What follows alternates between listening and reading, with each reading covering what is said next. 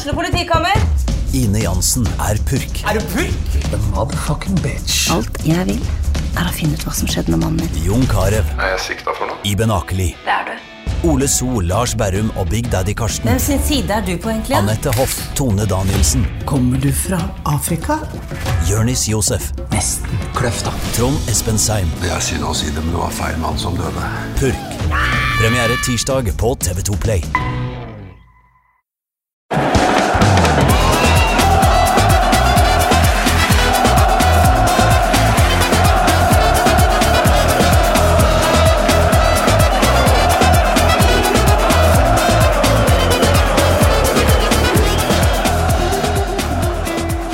Er vi tilbake med enda en flunka ny episode av eh, Pyro og Pivo, og i dag så er vi litt lei av å snakke om eh, norske ting og norsk TV og norske tribuner som det ikke er folk på og sånn, og drømmer oss tilbake til det som på en måte er essensen av Pyro og Pivo, nemlig jævlig rare steder vi enten har vært eller ønsker å dra.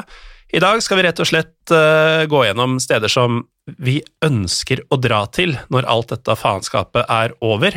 Og med meg i dag har jeg Morten Galaasen, med meg deg, Lars Gau. Velkommen. Takk, takk. Du har vel, hvis jeg ikke tar helt feil, vært med i alle sesongene av Byrå Pivo? Det kan hende. Hva ser du? Ja, muligens. Jeg trodde jeg Eh, begynte å gå tom for tull å prate om, men eh, Ja, nei, det, du hanker meg inn igjen. ja, du, er, du er jo en eh, ganske generell fyr, så det er, det er mye man kan bruke deg til. Uh, du sitter ved siden av meg i studio. Åssen uh, går det med deg? Det er lenge siden sist. Ja, Det går greit. Det er jo Jeg har i hvert fall Jeg klarer meg bedre enn de fleste. Jeg har jo fortsatt jobb, selv om jeg jobber på kjøkkenbordet. Har gjort det siden mars. Kort vei til kjøleskapet, Mhm. kort vei til senga.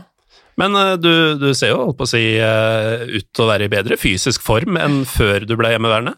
Ja, det, det har faktisk eh, Man skulle tro at det var farlig å sitte ved siden av kjøleskapet, sånn sagt, men det har gått riktig vei, faktisk. Så det er Mm. bra. Men eh, ikke, du har ikke blitt såpass militant at det ikke blir en liten pivo i studio i dag? Nei da, her blir det pivo. Eh, absolutt.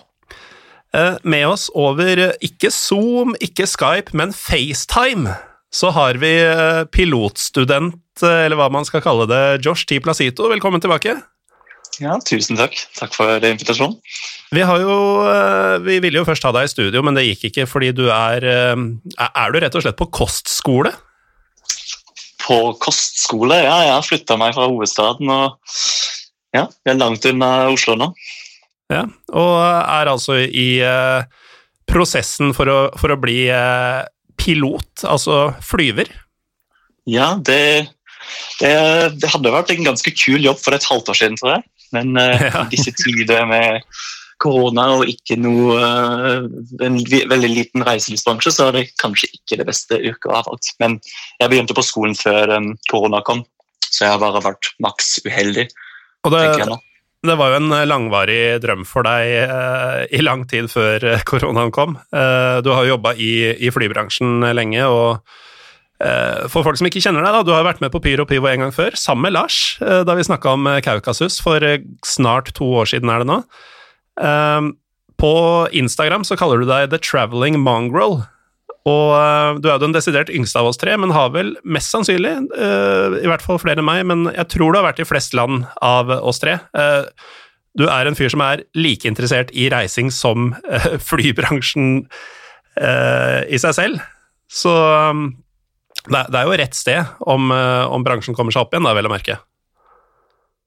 Ja, jeg har vært eh, selvfølgelig veldig heldig med reising de siste årene, og spesielt eh, når du har jobba i flybransjen, så kommer det med visse fordeler. Så jeg har tatt de her i bruk ganske mye de siste årene.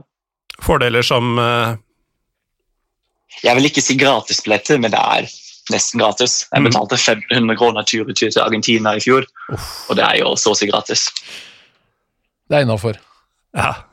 Eh, Du betalte mer da du skulle dit, eller Lars? Ja, litt mer. Lars sin eh, tur til eh, både Argentina og et par andre land i området kan man høre om hvis man blar et år tilbake i kartoteket. Men Josh, du, du sitter altså på en pilotskole et annet sted i landet og er med over FaceTime, fordi det var det vi klarte å få til teknisk. Men du er jo da en veldig bereist type, og jeg ser jo fotballskjerf fra opptil flere, i hvert fall flere klubber. Er det også flere land i bakgrunnen der? Ja, det er tre stykker. Da er, vi eh, er det hovedsakelig Leicester og Bochum-skjerf, som er vennskapsskjerf, som jeg fikk fra de kompisene mine som bor der borte. Og så er det en eh, fra Sydkurve München, fra Bayern, som jeg fikk bytte når jeg var på Bochum bortekamp i fjor høst i Stuttgart. Og Stuttgart er jo ikke så veldig langt unna München, så da er det ganske ofte en del, eller nesten alle bortekamper som Bochum pleier å spille med. Uh, I Sør-Tyskland er det alltid en god del Bayern-fans med. Så da fikk jeg det sjefet fra i fjor. Ja, for du er jo fra Bochum og er Bochum-fan. og en ting som er ganske absurd for veldig mange, eh, er jo dette med fanfreundschaft, eller fanvennskap. Men Bochum-supporterne er altså venner med både Leicester og Bayern München, av alle. Eh, hva, hva er greia her? Ja, den eh, Bayern-vennskapet det har vi jo snakka om før, tror jeg. og det har de også idrettet halvt den før, at um, vennskap i Tyskland mellom klubber har oppstått eller Det går sikkert tilbake til 60-, 70- og 80-tallet. Og Bochum-vennskapet den begynte vel på 70-tallet en gang, da Bayern kom til uh, Bochum må ha vært i 76. Og Da leda Bochum 4-0 til pausen mot Bayern München, mot uh, Oli Hønes og det storlaget fra 70-tallet som hadde vunnet Champions League tre ganger. Bochum leda 4-0 til pausen og tapte 6-5 til slutt. Mm. det er også fram til i dag tror jeg det eneste gang et lag har tapt en Bundesliga-kamp etter å ha ledet 4-0. Så den æren tar vi oss i Bochum. Og denne vennskapet har oppstått uh, i etterkant av det. Så den, så døde den litt på 90-tallet. Og når ultrascenen kom, til, eh, kom på, på, plass på 90-tallet og tidlig 2000-tallet, så plukka opp ultraspor om det vennskapet igjen.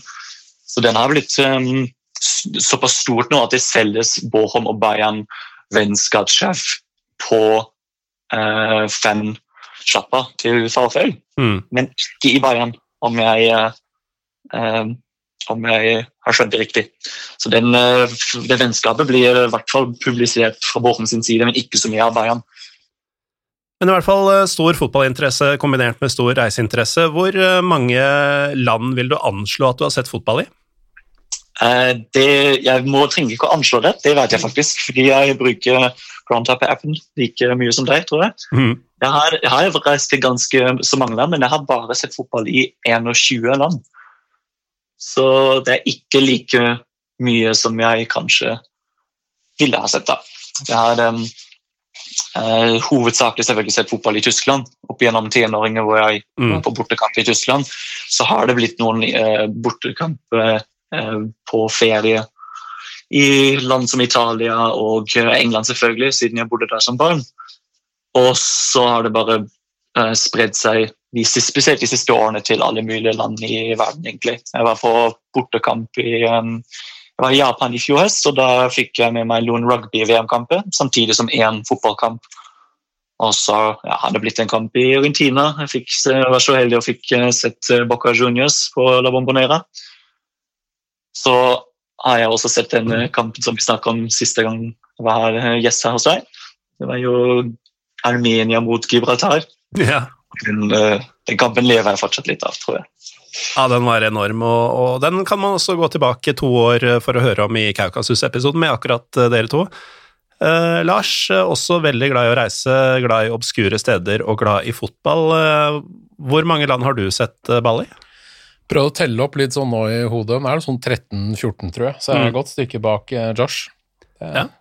Nei, men det er, det er, nok flere enn mange, uh, og i dag så skal vi jo drømme om å utvide denne lista, og i god Pyro Pivo-ånd, og kanskje i god oss tre-ånd, så er det land vi nå skal snakke om som kanskje ikke Det er kanskje ikke fotballen i seg selv som drar oss, men, eh, men vi skal prøve å bake det inn etter beste evne. Men eh, er du en noenlunde rutinert Pyro Pivo-lytter, så blir du ikke overraska om 70% av den neste timen eller to handler om helt andre ting enn eh, en fotball. Eh, dere har fått i oppgave, begge to, å lage en slags eh, ja, en fem steder dere ønsker å dra til når pandemien er over og vi forhåpentligvis en, en dag får normal, hva skal vi si, flytrafikk og reisemuligheter eh, igjen.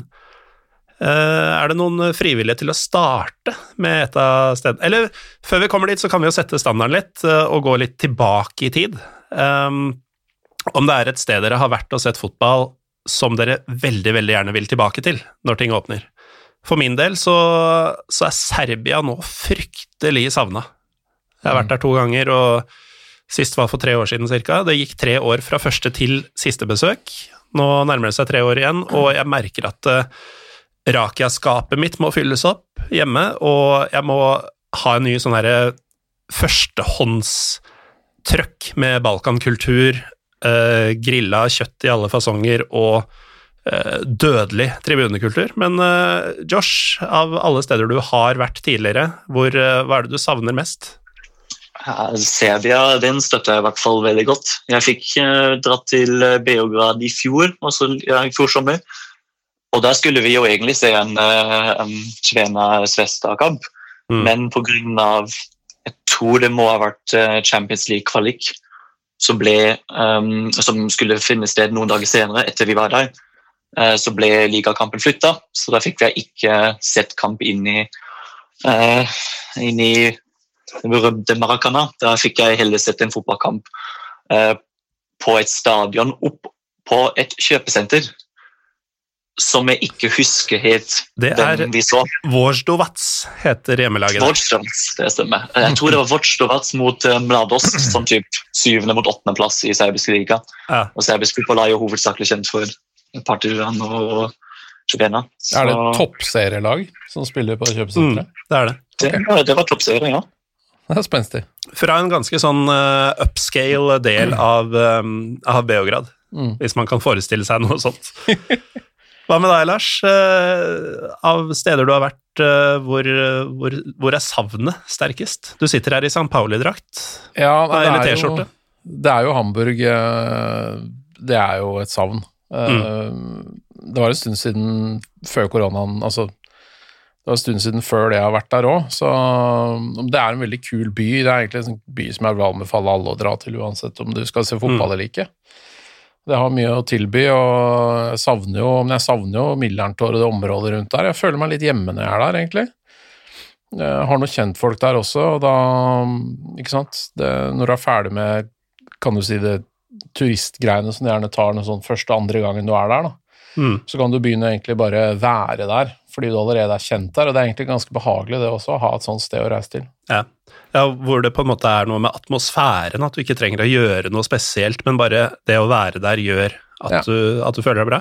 Jeg har det sånn med Spesielt Berlin har det blitt. Mm. At uh, det, det, er liksom Velvære er et ganske lite sånn macho-ord, men, uh, men jeg, jeg, har det veldig bra bare ved å være i Berlin, og litt det samme i Istanbul, selv om det er litt mer sånn tut og kjør. det kan jeg se for meg. Litt mer hektisk enn Berlin. Men, men, Hamburg er da noe helt spesielt for deg som by, uh, i tillegg til at ditt utenlandske favorittlag holder til der.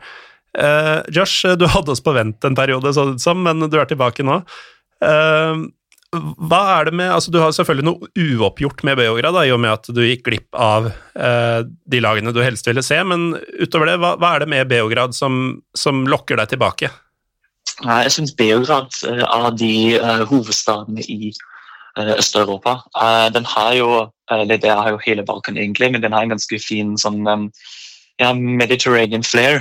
Og det mm. får du ikke så mye av i Øst-Europa, selvfølgelig. Der er det mer eh, De fleste byene er jo preget av høye blokker og sånt, og det har du ikke så veldig mye av i Beograd, syns jeg. Og som du også nevnte, at maten er helt fantastisk. Det er veldig lite som slår chivapchichi eller chivapi. De krydrer det er vel pølse, en type pølse som vi lager ja. veldig mye av i Balkan. Ja, det er liksom sånn mellomting av, av kjøttkake og pølse. Pølseforma kjøttbolle, nærmest. Det er vanskelig å sette fingeren på det, men mm. fryktelig godt i hvert fall. Er det ikke egentlig kjøttdeig på grillspyd, hysj? Jo, i sånn tynne pølseformer. Ja. ja. Nei, Så det kommer ikke alltid på pinne, tror jeg? Nei, nei, det gjør det ikke. Nei, kommer ikke alltid på pinne, men jeg tror det stort sett er grilla på det. Og så har de noe som heter aivar, ja. som er en slags sånn paprikapasta. Ja. Som man har på salat og sånn, som også er jævlig digg. Mm. Og den kan, eh, kan, bli ganske sterk iblant, mm. hvis man er heldig. Men vi må ikke bruke opp Beograd ennå. Nei, det er mulig, mulig vi skal snakke litt mer Beograd etterpå. Uh, ok, men da, da, har dere fått tygge litt på det. Hvem skal starte med, med en av sine fem drømmedestinasjoner i uh, forhåpentligvis så nær framtid som mulig? Jeg tror vi har sikkert en del land til felles her. Jeg, har, jeg og Morten vi har jo snakket om det her litt før, og vi har jo et område som vi har peket ut allerede, som mm. vi er veldig glad i, som ingen av oss har vært til ennå. Bortsett fra Lars. Har vært til en av landene, tror jeg. Og det er jo Stanlandene i Sentral-Asia. Oh, yeah. Mm. Så jeg har skrevet Det er jo fem land som eh, tidligere, tidligere var del av Sovjetunionen. Men jeg har plukket ut to av de, og det ene er Kasakhstan, og det andre er Turkmenistan. Jeg har vært i begge, og Usbekistan. Usbekistan, ja. Dette er ganske nerd, men eh, jeg har jo sånn Jeg, jeg er ikke noe hoarder, men jeg, jeg får litt sånn samlemani på, på ikke-konkrete ting. Mm. Og en av tinga jeg liksom samler på, er eh, gamle sovjetstater. Mm. Uh, av de som ligger i Europa, så er det, bare, er det vel bare Estland av alle, og Russland, som jeg ikke har vært i.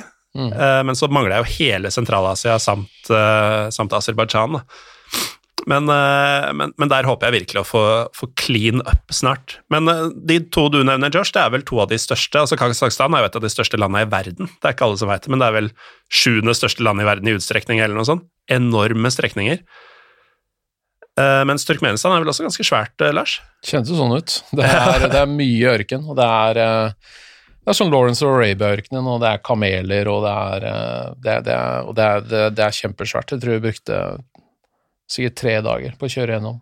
Og ikke minst så har det en solid dose galskap som vi skal komme til. Men altså, du nevnte spesifikt Kasakhstan og Turkmenistan, Josh. I tillegg så har man jo da er det Tadsjikistan, Kirgisistan og um, nevnte Usbekistan. Hvorfor akkurat Kasakhstan kan vi begynne med, Josh? Ja, Kasakhstan, som du sier, er det syvende eller åttende største landet i verden. Um, det med Kasakhstan som gjør det så interessant for meg, det begynte kanskje eh, for ja, 14 år siden, når Borat-filmen kom ut.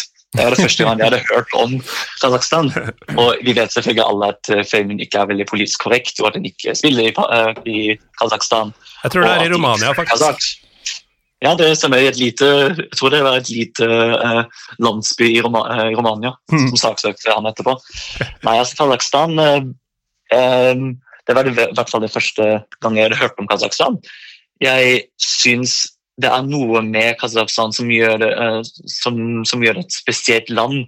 Siden ja, de har jo vært en del av Sovjetunionen, og de uh, har som alle andre land som var en del av Sovjetunionen, sleit ganske mye under uh, styret. Men samtidig så har de også tatt opp russisk kultur ganske mye. Så det er en, en god, god andel folk, altså kasakker, som bor i Russland og vice versa. Men um, altså det som jeg syns er det mest interessante med Kasakhstan, at du har i et så stort land, så har du jo nesten uh, Det er veldig få mennesker som bor der. Så du, Det strekker seg fra vest til øst, og hvis du drar dit som turist, så har du forskjellige steder å dra til. og Det er uh, helt alt fra sør-øst, der hovedstaden ligger, opp til nordøst, en by som heter Semei. Og Da er det f.eks. En, eh, det er det gamle stedet som Sovjetunionen testa atombomber, rett og slett. Ja. Mm. Og jeg er jo en, litt av en eh, dark tourist og liker å dra til sånne steder. Jeg har f.eks. vært i Tsjernobyl i Ukraina, og den uh, gamle atombombesite som kalles for polygon, eller ja, semipalantisk testsite, og de, den kan faktisk besøkes. Jeg vet ikke hva som tiltrekker meg til akkurat det stedet, siden mm. det faktisk ikke er så veldig mye. Men jeg blir jo hovedsakelig tiltrukket av steder hvor ingen andre drar til. Eller i hvert fall veldig få. Ja, det er noe med absurditeten i det som er eh, forlokkende for meg, i hvert fall. Og det er vel, Jeg husker aldri hvilken som er hvilken, men uh, Astana og Almaty uh, En av dem er nå hovedstad, den andre var før. Uh, Almaty er vel det nye, tror jeg. Almaty er den gamle. Almaty er den gamle. Det er skøytebyen, det, vet du. Og der var de satt så mye Riktig. rekorder på så, så, for ikke så veldig lenge siden så tok de en slette hvor det ikke var en dritt, mm. og bygde en Det må vel være en millionby, kanskje? I hvert fall en uh, Ja, metropol i sentralasiatisk uh, sammenheng. Og bare her skal hovedstaden ligge, fant de ut på om det var 2000-tallet en gang. Ja, Brasil-metoden. Ja. Arkitekttegna hovedstad helt ned til gatenettet, som er bygd et øde sted av strategiske hensyn, tror jeg. Ja, altså Atatürk eh, stifta jo eh, Tyrkia på ruinene av det osmanske riket, og flytta da hovedstaden fra Istanbul, som ligger litt sånn eh, angripelig til, til eh, Ankara, som ligger midt i landet, av nettopp strategiske hensyn, og det var jo litt sånn fordi vi er ikke det osmanske riket lenger, vi er nå republikken Tyrkia. Men Kasakhstan var Kasakhstan hele tida. De bare fant ut at gamle hovedstaden duger ikke, eller hva, hva er greia? Eh, Jeg tror det har noe med forholdet deres til Russland å gjøre. Mm. Eh, for at den nye hovedstaden er ganske nære Russland. Um, og vi eh, holdt på å måtte dra dit. Uh, for en lang historie kort, så kjørte jo Jeg var jo på tur til Mongolia med bil, og da hadde vi ikke visum til Mongolia, for vi rakk aldri å få det, for at de var tom for sånne visumpapir på konsulatet i Oslo. Mongolia har konsulat, faktisk, på Skøyen. Hadde i hvert fall. Eh, så det måtte Men det har ikke underveis. papirer. Nei, det hadde ikke papirene. Så det måtte vi ordne underveis, og da, var det, da, da klarte vi å finne mongolske ambassaden i Almaty, for det var en av de siste ambassadene som ikke hadde flytta. Hvis ikke så måtte vi basically kjørt sånn 350 mil på grusvei, liksom, for å komme til, til hovedstaden der oppe. Og akkurat det er kanskje noe av det som gjør dette til et interessant reisemål for Josh, at eh, noe så trivielt som papirmangel kan sørge for at du må reise 350 mil på grusvei. Ja, eller, ja, eller for mye papir. Hvis du har feil Ja. papir, feil stempel. Stempel er veldig viktig. Men eh, Josh, du omtalte deg som en dark tourist, eh, og det er, det er jo et uttrykk, altså dark tourism. Det finnes også en serie på, tror det er på Netflix som heter nettopp Dark Tourist, hvor jeg liker veldig godt konseptet, ikke så godt uh, personen, men kan ikke du bare kjapt si hva legger du i dark tourism? Um, dark tourism, eller Definisjonen av dark tourism er vel å besøke steder som egentlig ikke har et, um, en god grunn til å dra til. For de aller fleste som bruker reising som ferie for å slappe av. Og det er ofte altså Et annet veldig godt um, eksempel av dark tourism er jo Nord-Korea. Steder som ofte er som, som, eh, hvor folk som bor der, ikke ja, er frie nok til å kunne leve et liv, men jeg er fri nok til å kunne betale mye penger for å kunne dra dit og se dette landet. Mm. Um, den Netflix-serien som du refererer til, er altså der jeg um, hørte begrepet uh, har fått begrepet fra. Um, ja, dark tourism er det Det høres selvfølgelig ganske negativt ut, syns jeg, men det er noe spesielt uh, med å kunne dra til stedet, altså, i hvert fall vi som er fra Vest-Europa, um, som ikke alle kan dra til. Eller teoretisk sett så kan alle dra til sånne steder og finne ut uh, uh, ja, hvordan det gamle, det gamle testsite til Sovjetunionen og sine atombomber ser ut. Men det er ikke alle som har lyst til det. Og jeg tror det er også noe som ligger i dark tourism der, at um, man hovedsakelig drar til stedet hvor ingen andre drar til. Mm. Eh, Jeg har jo det som en litt sånn kampsak. Eh, Du nevner Nord-Korea, du har vært der, eh, Josh. Turkmenistan har du vært i, Lars, som jo også er et Vi, skal snakke litt mer om det om litt. Hviterussland har flere av oss vært i. Land som Og for min del også Israel. Steder som er veldig sånn kontroversielle, hvor folk mener at du, du bør boikotte eller holde deg unna fordi de som styrer, har ja, eh, ordentlige svin på skogen, for å si det pent. Jeg er veldig på at, eh, selv om det høres litt grotesk ut når du sier det, Josh, at eh, vi har muligheten til å betale masse penger for å dra og se et sted hvor folk har det jævlig, eh, men jeg syns det er viktig dannelse for, eh, for oss som kan. At eh, det, det er lett å mene masse om Nord-Korea eller Hviterussland. Det er ut fra hva du leser, hva du ser på TV og sånn. Det er noe helt annet å ha sett det med egne øyne. Jeg er helt enig. Vi hadde vel en diskusjon om dette, eller det var, du kommenterte på her på sosiale medier for ikke altfor lenge siden, at um, det hovedargumentet til mange som spør meg i hvert fall, «Øh, hvorfor drar du til Nord-Korea, du støtter jo regimet, Mm. det er jo egentlig ikke sant. Altså, hvis du drar til USA på ferie, det betyr ikke at du støtter Donald Trump.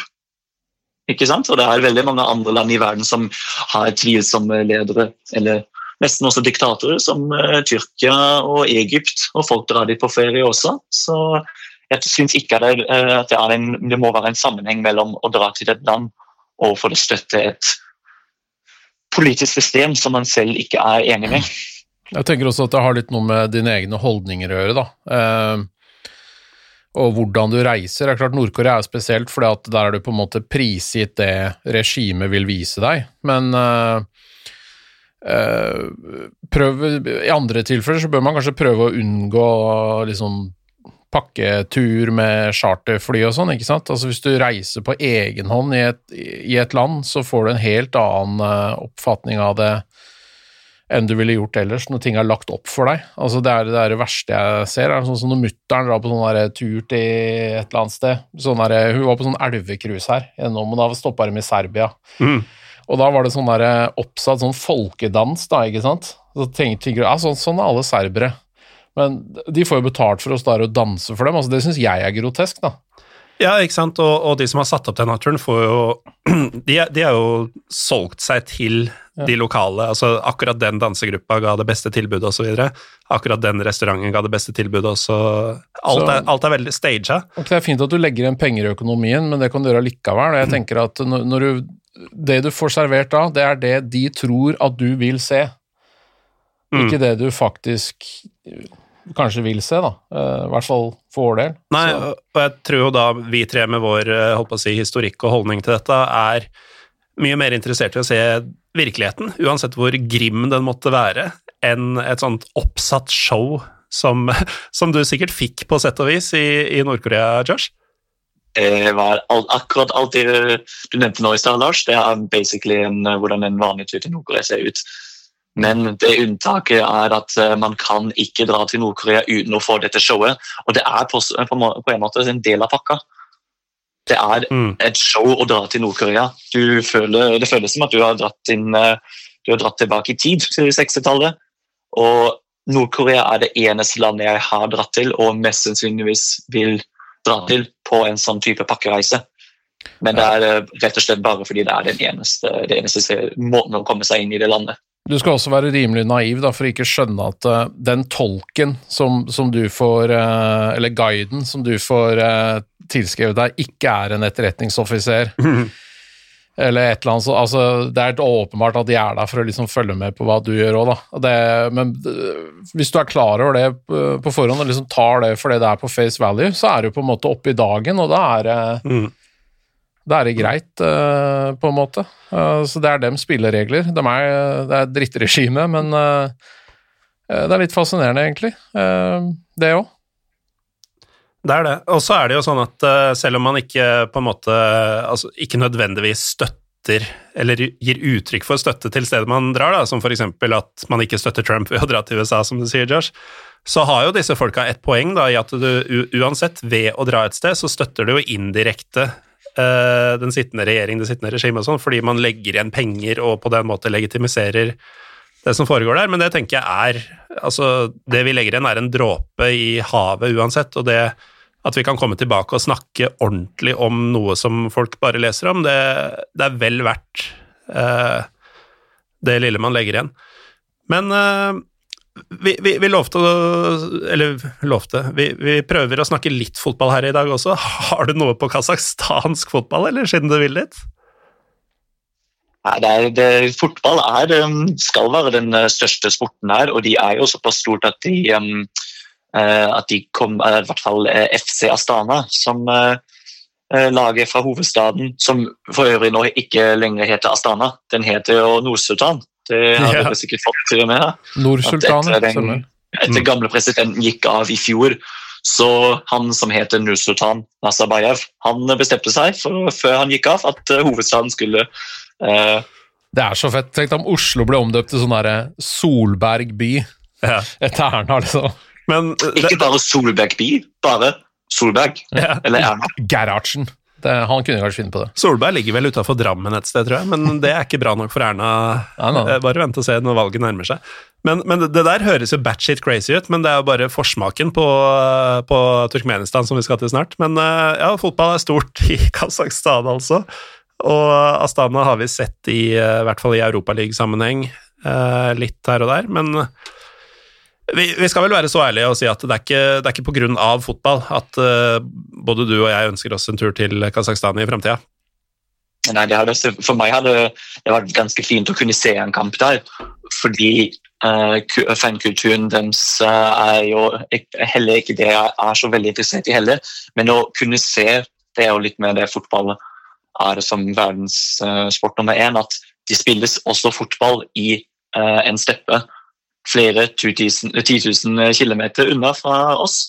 Og Det er altså noe jeg syns er kjempestas. Å mm. kunne se at et ja, som du sier, syvende største land med, uh, med ganske få innbyggere, at de faktisk spiller fotball der òg. Og ja, som du, som du nevnte, at Astana de har kommet seg til Europa en del ganger. og Jeg tror de har spilt det mot Celtic de siste årene i um, uh, Europa League. Um, det er vel også et lag som heter noe sånn Aktobe eller et eller annet sånt? Eller Aktal, ja. Ka Kabala, tror jeg. Kabala, ja. Det er et eller annet sånt noe. Eh, det er i hvert fall en av disse lagene som er fra havneby ned mot uh, den derre jævla innsjøen hvor du har Svartehavet. Nei, Kaspiske hav. Kaspiske. Og det faen, Altså, de er jo Uefa, da. Ja. Tenk deg for en jævla trekning, da. Bortetur til Kaspiske. Ja, det er et stykke jeg kunne ikke tenkt meg noe bedre, egentlig. Nei, hvis uh, hvis uh, Vålerenga kunne kommet seg til uh, Europa en gang, helst med tilskuere, så hadde det vært uh, første serie jeg dratt til. Ja, Sært nå, altså, så spille Europa. Nå tenker jeg føler litt med Vikingfans, f.eks., som ikke får reist til. Aberdeen. Mm. ikke sant? Men de får i hvert fall en hjemmematch da, og ser på TV, liksom. Men altså ja, nei, det er, det er seigt for tida. Og det er derfor vi, vi, vi, prøver å holde oss unna akkurat det, da, og, og, og bare drømme i dag. Um, men uh, du nevner da Kasakhstan og Turkmenistan som dine to uh, favoritter i, i, regionen her, uh, Josh. Og Lars, du har vært i Turkmenistan. Mm. dette med at Nursultan bytta navn på en by rett før han gikk av, det er jo bare Det er peanøtter. Ja, fordi Turkmenistan, det er fucked up. Det er verdens gærneste land, kanskje bortsett fra Nord-Korea. Uh, det er uh, Altså, det er helt insane. Og det, jeg var såpass heldig at jeg fikk reise relativt fritt gjennom uh, med bil. Er ikke det nesten umulig? Er ikke det litt sånn Nord-Korea-aktig, at du nesten bare får dra dit på guida turer? Når, I hvert fall når jeg gjorde det, så var det i og med at jeg var på den derre rallyet til Mongolia, så var det en del av greia at de fikk ordna noe visum for gjennomreise. Mm. Men innreisen var et helvete. Det var åtte timer med byråkrati, hvor du basically bare går og betaler penger på et kontor, og så får du et stempel som du tar med da, og så viser du det til et annet kontor, og så får du en kvittering med et stempel på, som du går til en tredjeperson og betaler mer penger, og så får du to papirer igjen som skal til et annet kontor. Og sånn holdt det på. Eh, på et eller annet tidspunkt så hadde jeg to hender fulle av papirer, og jeg tror vi betalte 380 dollar i avgifter til slutt. Og For da, å komme inn i landet? Ja. Og da hadde vi med et eh, kart som noen hadde håndtegna, som er et sånn offisielt skjema med et kart av landet som viste kjøreruta vår, og så har de sånne kontroll, sånne checkpoints, da. For, å, for at de skal vite at du holder deg til den ruta? Ja. Mm. Og da når vi kom til første checkpoint, så ble vi stoppa, og så måtte vi gå inn i en sånn bu, og så tok de all personalia og registreringsgreier på bilen og sånn. Chassisnummeret til og med på den bilen. Hva betyr det for oss som ikke kjører? Det er eh, rammenummeret. Ja. Liksom. Skiltet holder ikke, du måtte også ha rammenummeret. Og så skrev det ned i en uh, diger, diger bok som uh, ikke hadde linjer, så først måtte de linje opp med linjal, og det tok jo fem minutter, bare det. Så, men etter hvert så begynte de å vinke oss igjennom, fordi at de liksom ringer til neste post, da. Ja. Så til slutt så fikk vi kjøre ganske fritt og åpent. Etter å ha vist at dere holdt dere til reglene? Ja. Mm. For da blir det bare ringt, og så ser de De, de, de ser jo, for det er så mange sånne rallybiler, og det er jo sånne skrapbiler med reservehjul på panser, og liksom, det er helt åpenbart, da.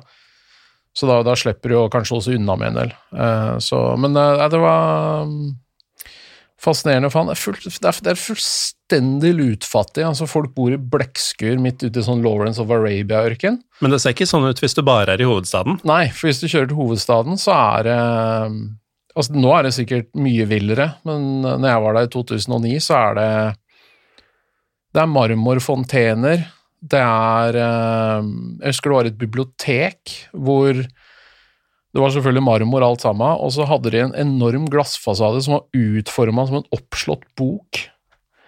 Så utrolig flott. Og så hadde de en enorm sånn derre pidestall, eller sånn trefot, sånn derre greie, sånn søyle.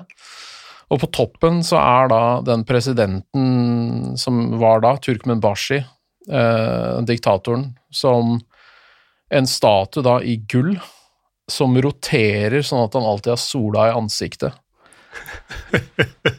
Under der så har jeg Du bilde av skjønner jo hvorfor resten av folket er fattig. Ja, ja. Og der gikk jeg under med Vålerenga-skjerf og skjerfa og tok bilde under den jævla statuen, mens det sto folk med gønner og bare Hva faen er det fyren driver med, liksom? Men er du idiot nok, så slipper de unna, for de tror at du er litt teit, rett og slett. Så Og Josh, du er jo idiot nok. eh, For, for en som eh, har vært i Nord-Korea, så det som Lars eh, sier her, er jo kanskje For mange ville det vært grunner til å ikke dra, men eh, er dette blant grunnene dine til å ønske deg dit, eller har du mer å komme med? Ja, altså absolutt. eh, Turkmenistan som altså, Det Lars forteller, det stemmer jo absolutt. Ashkabat, Ashgabat, altså hovedstaden i Turkmenistan, den holder jo faktisk verdensrekorden for de fleste bygninger laget av hvit marmor. Så det er en uh, rar verdensrekord å ha, syns jeg. Og De hadde vel han, eh, også- har de ikke også verdens største flagg, eh, Josh? Eller flaggstang? Oi, det, det vet jeg faktisk ikke. Jeg husker at når jeg var i Nord-Korea for fem år siden, så hadde no holdt Nord-Korea den rekorden. Men jeg tror den har gått til Aserbajdsjan. Ja, det er også en kandidat, da. Den, den med Nord-Korea, dette skjedde jo um, Det må ha kanskje skjedd for 20 år siden. Um, da begynte Sør-Korea å bygge Det er sånn typiske ting som skjer i land som, uh, som, må, som har en liten inferiority-kompleks. At uh, når det ene landet bygger noe stort, så må det ved siden av bygge noe større. Mm. Det skjer jo veldig mye av i uh, Midtøsten med de uh, høye, uh, høye bygningene der. Mm. Um, men i Nord-Korea så begynte det først med at Sør-Korea bygde et flaggmast som var 130 meter, og så måtte Nord-Korea toppe den med 135 meter. eller noe. Og så gått, uh, gikk det fram og tilbake i noen år, og så tror jeg at det høyeste flagget står i Baku nå, i Aserbajdsjan. Mm. Ja, det, det er jo Ja, også en kandidat som, eh, som Lars sier.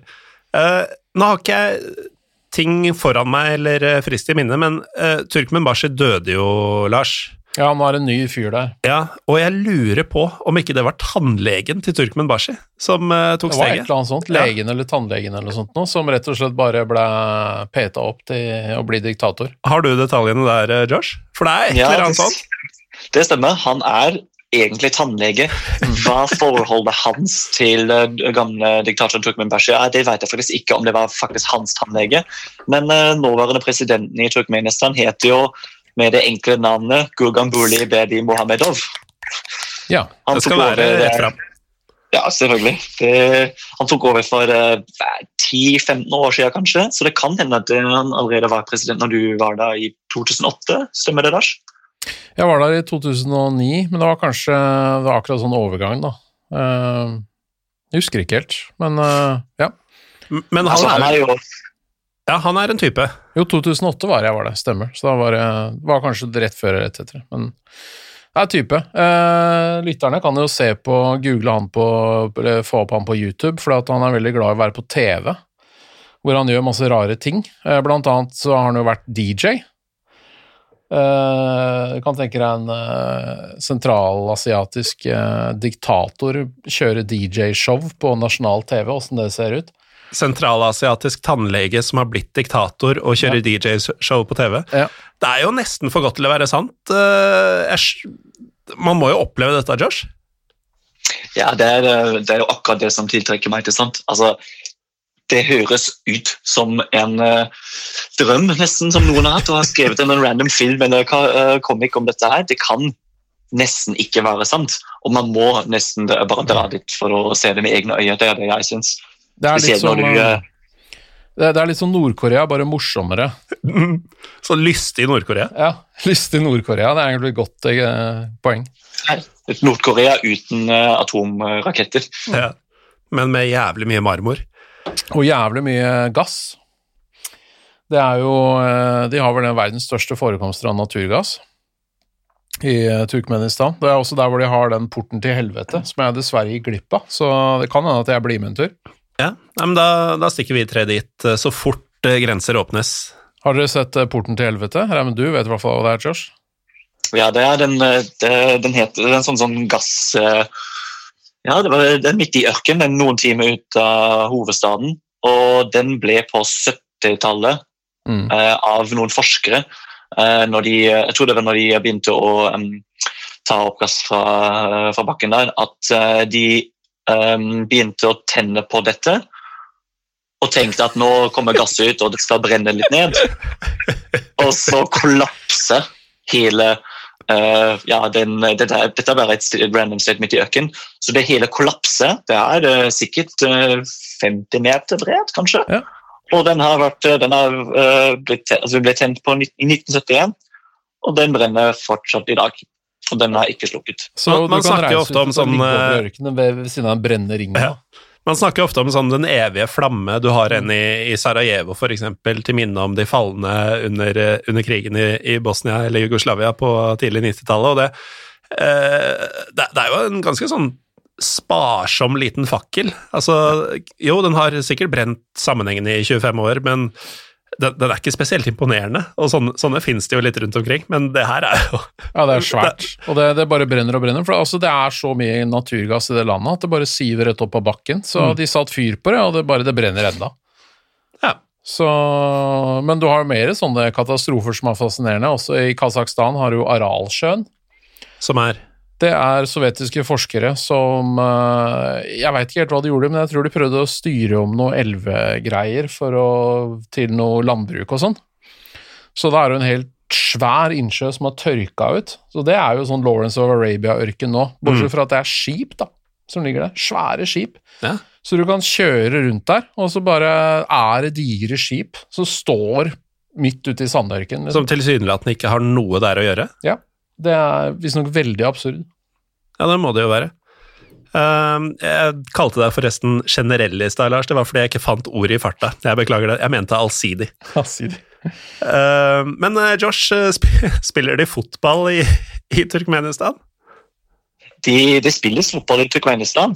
Det er ikke veldig mange kjente fotballspillere som kommer fra uh, derfra. Men jeg sa jo, sendte deg jo melding i går og sa at jeg tror jeg har funnet uh, Pyro Pivos den mest pyropive fun fact eh, som noensinne fins, og den handler faktisk om Turkmenistan. Det er en ganske eh, høy claim, altså. Nå bør du levere. Ja, altså eh, Det går litt tilbake, og da må man, eh, eh, må man tilbake til 1990 og til fotball-VM som ble spilt i, Italia. Og Da vant jo selvfølgelig Tyskland, slo Argentina i finalen. Mm. Og, men dette var jo egentlig ikke den største sensasjonen. Den største sensasjonen av den turneringen var jo Kamerun, som eh, med bl.a. Roger Milla kom Mm. seg helt til kvartfinalen, da man tapte mot England og Gary Lineker. Og treneren til Kamerun, han var opprinnelig fra Turkmenistan. Nei! Det stemmer.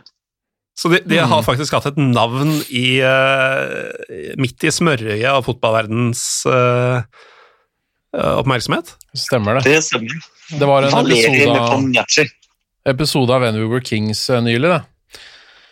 Og han er jo nå uh, akademisjef i uh, Kaliningrad, i den derre, hva heter de, ba Baikal, eller nei, Baltica, la Kaliningrad.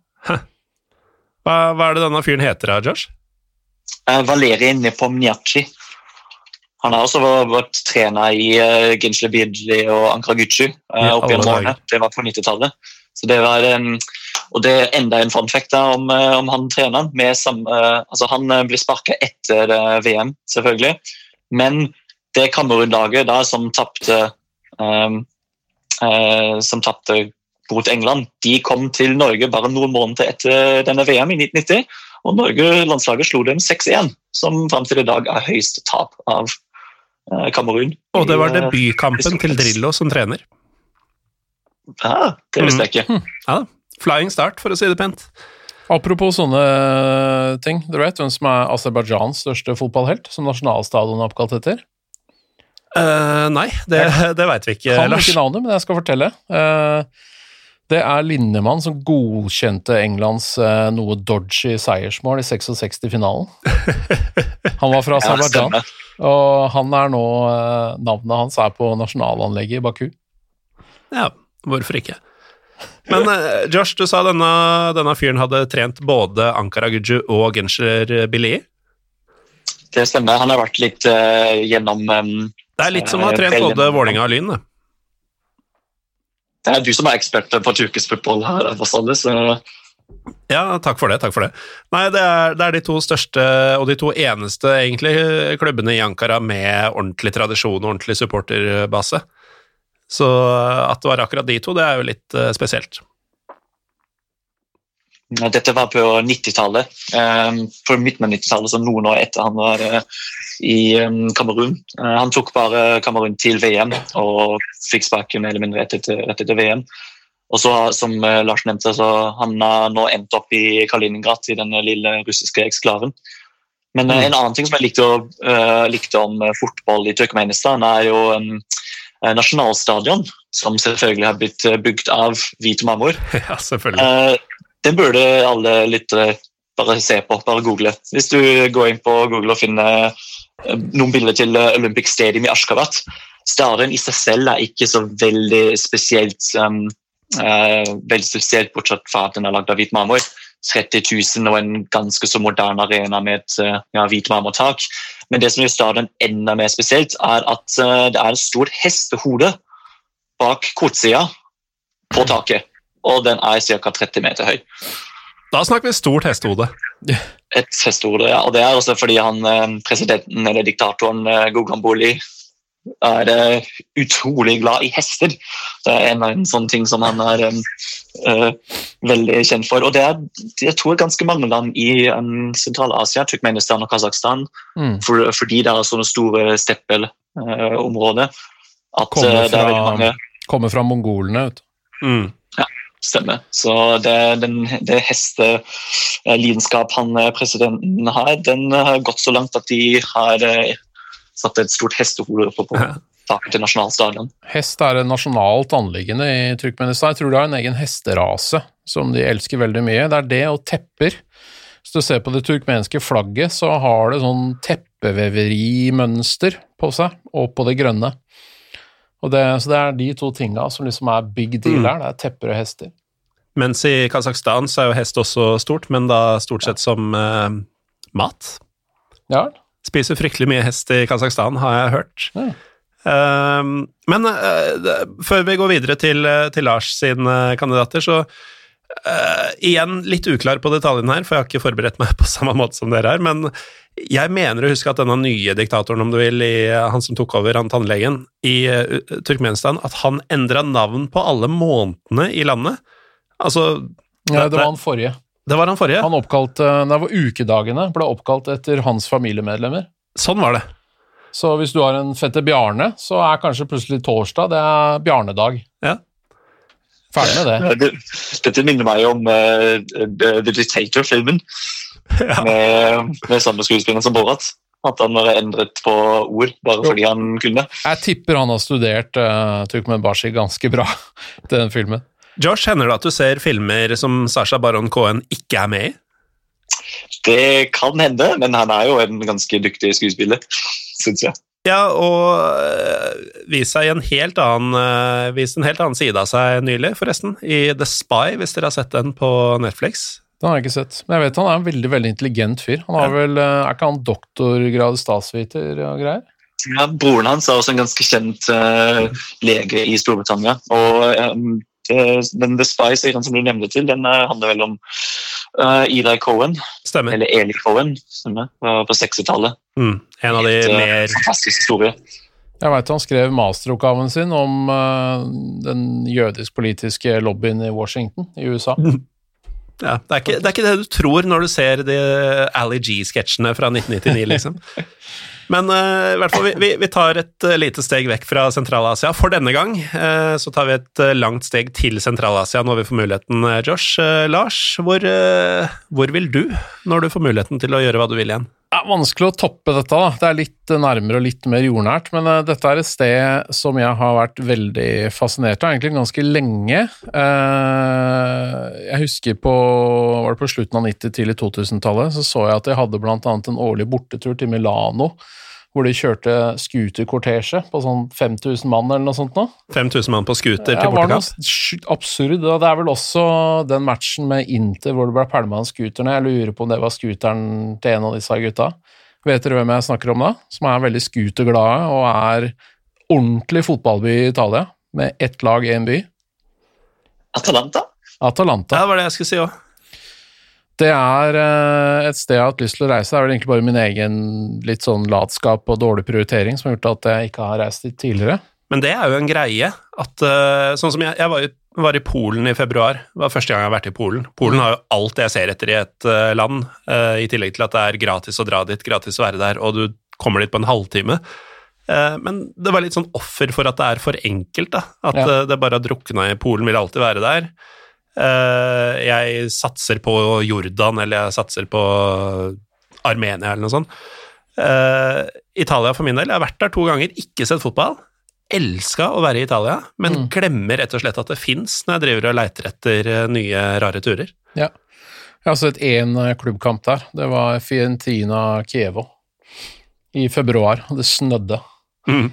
Og den stadion til Fiorentina altså, Jeg er glad i gamle stadioner, jeg er glad for at jeg har vært på den banen, men eh, det er helt greit at de bygger ny. Mm. Så skittig var den, altså. Men det, det er jo en greie i Italia, da. At eh, de, de var best Altså, de hadde en eh, Et av de beste landslagene, det har de for så vidt alltid hatt, men de hadde den beste klubbfotballen på 90-tallet, begynnelsen av 2000-tallet. Mm. Ganske klart, egentlig. Jo, men jeg tror folk har liksom Også- glemt det nå, hvor mye sjukt mange gode spillere de har. David Ja. Platt i Sampdoria og Gassa i Lazio, det bare At Serie A var Klinsmann. best i verden, var, Ja. det var ingen som diskuterte det engang. Det var bare oppløst og vedtatt. Og så hadde jo også flere tyskere som var innom uh, italienske klubber.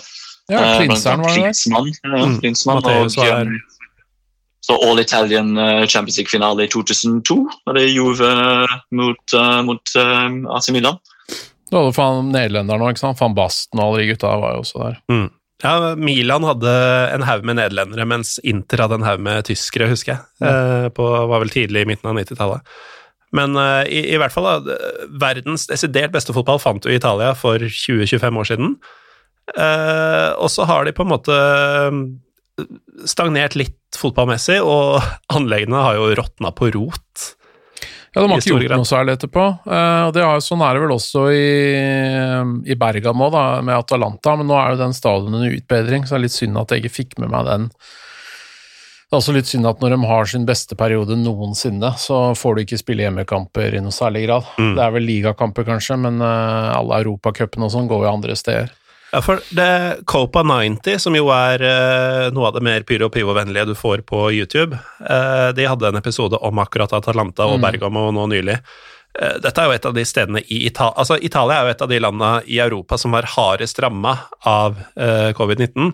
Ja, Og Bergamo i var Italia verst. Så var Bergamo kanskje det verste stedet. Bergamo var episenteret, og det, det, de sier jo det at du um, Alle måtte være hjemme. altså var ikke, bare det, det var ikke sånn som her hvor vi begynner å grine fordi at vi ikke kan reise til Sverige og sånn. altså De måtte sitte hjemme i sånn tre måneder Ja, og høre bare sirenene rundt i byen døgnet rundt 24-7, for Mm. du fikk ikke sove pga. sirenene.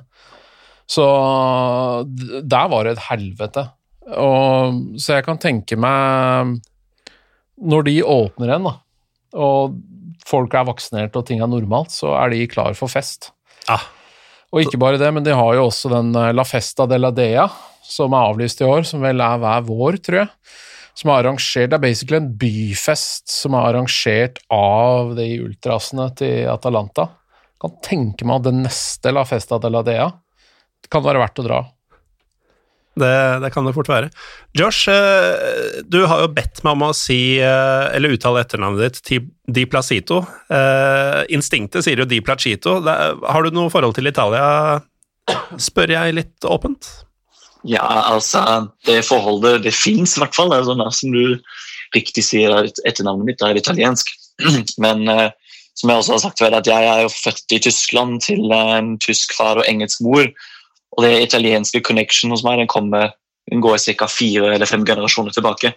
Og da var det eh, bestefaren til min eh, granddad som eh, fortsatt lever i dag. Han, det er sånne historier som jeg husker fra barndommen min, at jeg ble fortalt at de gikk til England fra Italia på 1880-tallet.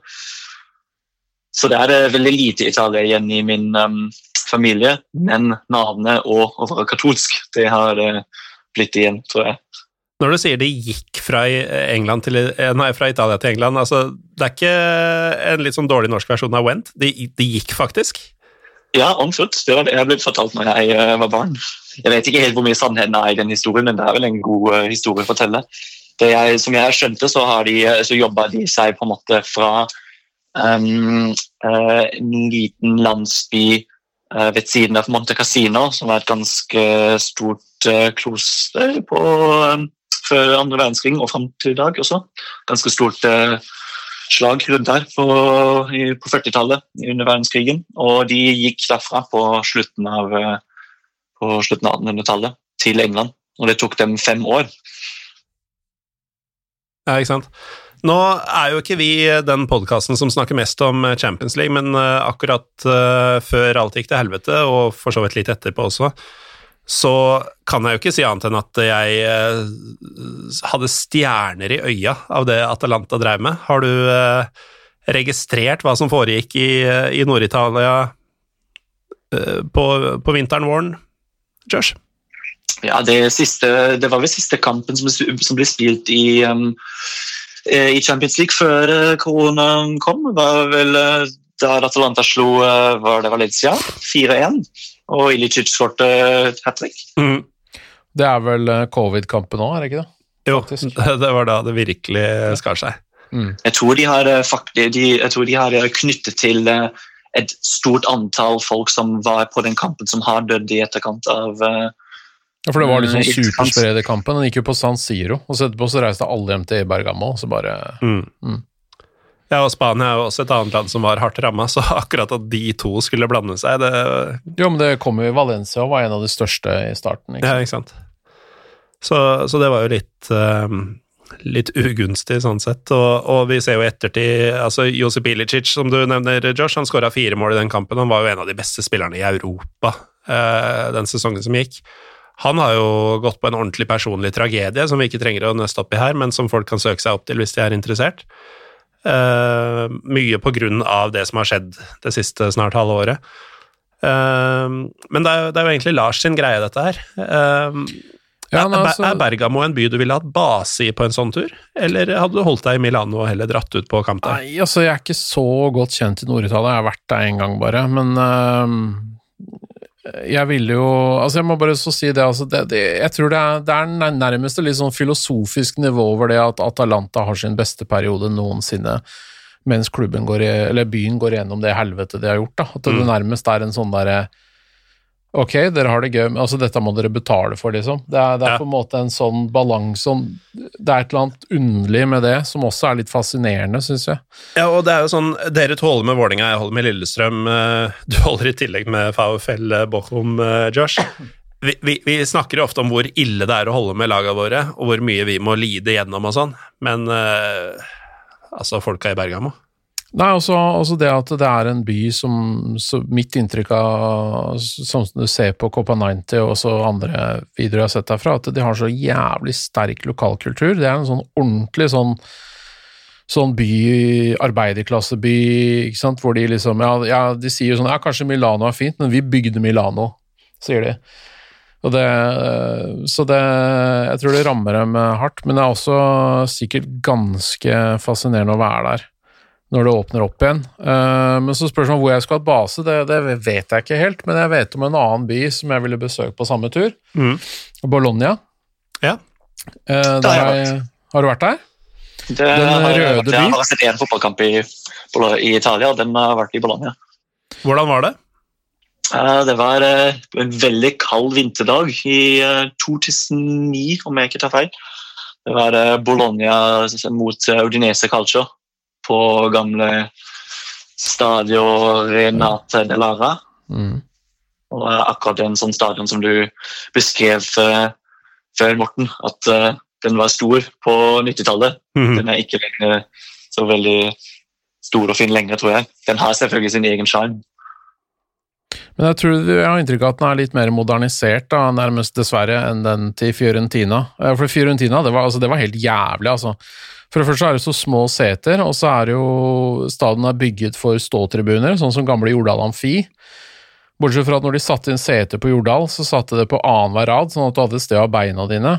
Men hos Fiorentina så har du på hver rad, sånn at eh, jeg kunne ikke plassere beina mine flatt på bakken under.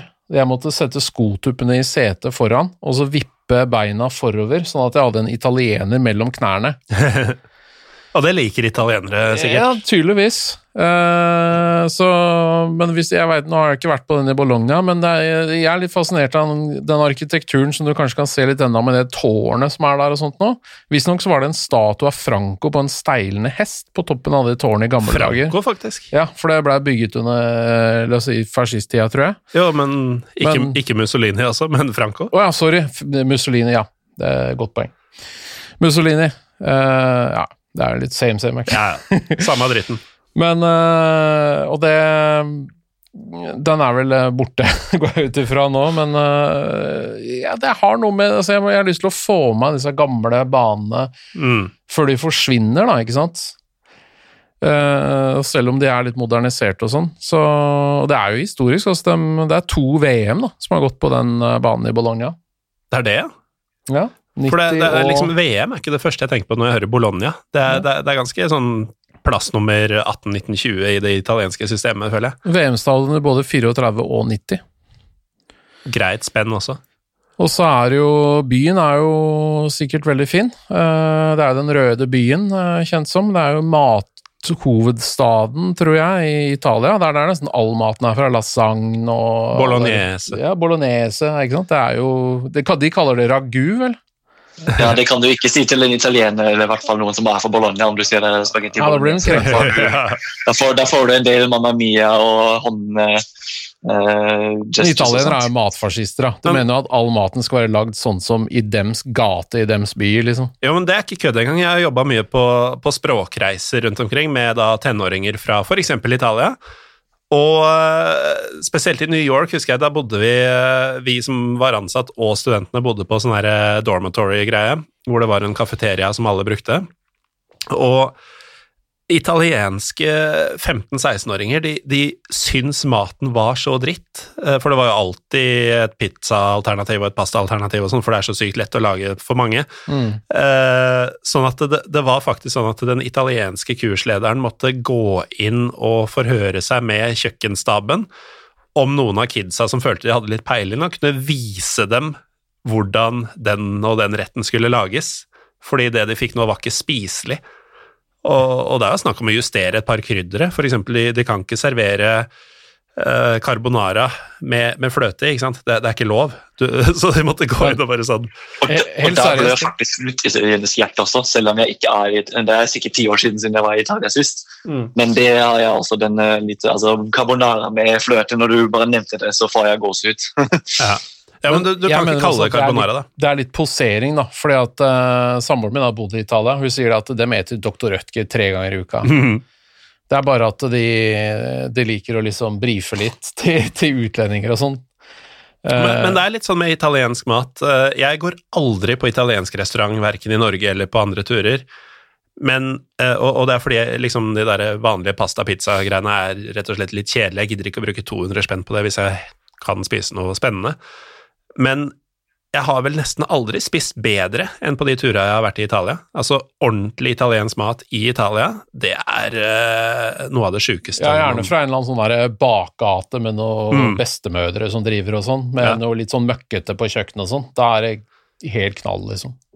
Nå, nå skal ikke dette bli den derre Morten Galaasen uh, tar på seg sjøl-episoden, men jeg har faktisk fått hjemmelagd italiensk mat av en bestemor i, uh, i uh, Husker ikke hva det heter, men rett utafor Torino. Det er kanskje den mest magiske matopplevelsen i mitt liv. Skikkelig sånn klisjé-italiensk med liksom alt med Var, var det sånn der familie som står og gaper og sånn rundt her, var det? Var det Omtrent. Ja. Og det, det var lunsj, og det var antipasti, da. Så det var liksom Hun, hun hadde bare lagd alt hun kunne utenom hovedretter. Så det var og, Så ble du trua til å spise det etterpå. som gjest så måtte jo jeg spise mest og oftest og smake på alt og sånn. Eh, Og så ble det grappa, som jo er, eh, holdt på å si, den, eh, den beleste manns rakia. Så eh, jeg koser meg ordentlig. Men eh, vi har faktisk holdt på en drøy time. Dere har fått sagt én ting hver. så kan jeg bare nevne en kjapp ting, da? Ja. For at, altså, jeg er jo bilnerd, da, ikke sant? Ja. Fra strekket ca. Bergamo Milano og ned mot Bologna, så har du hele Italias bilhistorie på ett strekke. Da har du Ferrari, Lamborghini, Maserati, Bugatti, Pagani og Ducati på rekke og rad. Så der er det mye bilmuseer og fabrikker og sånne å besøke, for de som er nerds på det. Ja, de, de, de finnes jo, de. Eh, vi, vi må rett og slett bare innse at det er ikke sikkert vi får kjørt inn eh, fem fra hver av dere, men Josh. Mulig telefon dør for det så ja, uh, Har du kontroll på batteriet? For det er, det er jo din telefon vi bruker for å facetime med Josh her, uh, Lars. Jeg vet ikke hvordan, Da må jeg avslutte samtalen med Josh for å se mobilstatus. Så dette her er rett og slett batterilotteri. Men da, da gjør vi det sånn at dersom Josh plutselig forsvinner, vet vi hvorfor. Ja. Da pauser vi opptaket, og så finner vi en løsning eh, videre. Men Josh, eh, hvis vi prioriterer litt da, eh, av de fire neste du har på eh, lappen din, hvem vil du mest til? Jeg, altså jeg har kommet med, med to land til som egentlig også ligger i det samme området, siden begge to har en, det ene landet har en litt avhengig av det andre. og Det er Indonesia og Øst-Timor. Øst-Timor, ja. Øst-Timor, ja. Det er ikke så veldig mye fotballsammenheng da heller, men i Indonesia så finnes det en god del eh, interessante eh, fotballoppgjør. Indonesia tror jeg nesten det er sjuk fankultur? Jo, hvis man finner en person som kan si noe om det, så er det verdt en episode i seg sjøl, for der skjer det ting, altså. Det er YouTube-mat, det, altså. Mm. Men uh, Josh, det er din tur. Ja, Indonesia har jo um, altså Fotballen i seg selv er jo ikke så veldig god, og Indonesia har jo tror i hvert fall ikke altså aldri klart å kvalifisere seg til noe VM. Så kvaliteten på fotballen der borte er jo ikke veldig stort, eller veldig høyt. Men som eh, Lars nevnte, den fankulturen der borte er jo den er helt uh, sjuk. Du har et land som eh, er muslim, muslimsk, og ganske konservativt muslimsk også i noen deler av landet. Men uh, det bor jo over 230 millioner mennesker i Indonesia, så det betyr jo fort at en fotballstadion der den blir jo full. Og den, eh, de er ganske fanatiske, de òg. Så du har for eksempel eh, altså min, Mitt første uh, tanke jeg, uh, som jeg kommer på når jeg hører om fotball i Indonesia, eller ultras i Indonesia, er ofte indonesiske, indonesiske fake-profiler eh, som kommenterer på gruppa ÅF på Facebook og sosiale medier. Så det virker i seg selv som, eh, som internettutras. Men eh, på kamper så fyller de alle stadion opptil 50 000-60 000 hver eneste kamp. Mm. Ja, det, det er det er helt allerede ganske interessant i seg selv. Jeg lurer litt på hvor det kommer fra. For det, det virker som det er det. fullstendig fotballfeber der nede. Ja. Så det er, det er klubber som er liksom nivå hvor det er sånn at det nesten vi, jeg og vi kunne liksom spilt på de lagene Ja. Og de, de, de bare har liksom 60 000 hver match, og det er bare full fyr, altså. Ja, for Sørøst-Asia er ikke et fotballfeberområde. Altså Nei. Nabolandene også er jo ordentlig ræva i fotball, men, men det er jo ikke sånn at folk går mann av huset for fotball i eh, ja, si Laos, Kambodsja, Vietnam, eh, land som er i, i samme område. Hvor har de det fra? Liksom? Ja, hvor, hvor i all verden kommer det fra? Jeg vil bare skyte inn at uh, en av mine favoritt-YouTube-kanaler for tida heter Geography Now. Og de har en eh, episode om Indonesia Uh, som, som man kan få uh, Som man, man bør se på, da. Fordi en ting som fascinerer meg veldig med Indonesia Jeg veit veldig lite om hvordan landet fungerer og sånn, men ge geografien er helt insane. Altså, det er et så svært land. uh, men, men, det, men det, er så, det er så delt opp i forskjellige områder og øyer og sånn, og du tror landet er der det ligger vegg i vegg med Malaysia og sånn, men så fortsetter det der uh, Ny-Caledonia, eller hva faen det er for noe, uh, deler øy med dem. Altså, det, det virker sånn fullstendig tilfeldig sammenraska hva som er Indonesia og ikke. Det er vel noe etterlevning av kolonitiden, kanskje? Jeg vet ikke. Ja, mulig. Altså, du har jo jeg tror det er syv uh, hovedøyene til Indonesia. og det er, det er, jo Java som er det mest, uh, mest kjente der. Det er samme øya hvor hovedstaden Jakarta fins. Mm. Og så har du Borneo, som er også et ganske spesielt fenomen, egentlig, fordi det er et land, en øy og en del av et land hvor det finnes to andre land på. og jeg jeg er ikke 100 sikker om det stemmer, men jeg vil gjerne påstå at det er det eneste øy i verden som deles av tre land. Det kan godt stemme. Så du har i hvert fall det Du har mange forskjellige områder i eh, Indonesia, og det er jo um, litt mer uh, å finne på i uh, Indonesia enn bare å dra til Bali. Ja, for mange har jo vært i Indonesia kanskje uten å tenke over det, fordi de har vært på Bali og tenkt at Bali er Bali. Mm. Men uh, Indonesia er virkelig så mangt, altså. Du har, um, du har jo kulturer som, som, strekker seg helt fra um, Som er mindre muslimsk og mer uh, native, uh, sånn helt i, på Sumatra. Det er en øy som er ganske altså Det er lengst vest. Og så når du går helt til østenden av landet, så, så, lander du jo på Papua, som den vestre delen av øya vest, altså tilhører Indonesia, mens andre delen er Papua Ny-Guinea, som er et helt annet land med en helt annen kultur. Mm. Jeg så en dokumentarserie som sikkert også du har sett, eh, Josh, om eh, piloter som flyr på Papua. Fordi de måtte eh, Mye briter, men også andre europeere. For at de måtte racke opp så og så mange flytimer før de kunne få jobb andre steder eller noe sånt noe. Så da fløy de sånne propellfly rundt på Papua, og så landa sånne steder hvor du bare Jeg tenker du lander midt i jungelen på sånn dirt-rullebane, og så kommer det bare folk ut av jungelen, og så bare begynner å liksom ta på ansiktet ditt og på flyet ditt og bare sånn heive altså Helt sånn psycho, hvor du kanskje flyr ut noen bushleger og noe utstyr og sånt noe. Og folk har jo med våpen og alt mulig, da, ikke sant. Så bare Altså, det er bare helt sånn psycho opplegg. Mye farlige eh, landinger og Ja, fascinerende, faktisk. Der fikk vi beskjed av eh, telefonen til Lars om at han har 20% igjen. Så får vi se hva det betyr. Eh, du hadde vel 60 noe da vi starta? 67. Ja, så det er, er, det, er, det, en iPhone-lader i lokalet her? Mulig vi legger inn en pause ganske snart uh, for å sjekke at vi, vi, kan holde det gående med Josh. Uh, men Øst-Timor, der er jeg blank, altså. Nå må du, må du fortelle oss hvorfor du vil til Øst-Timor.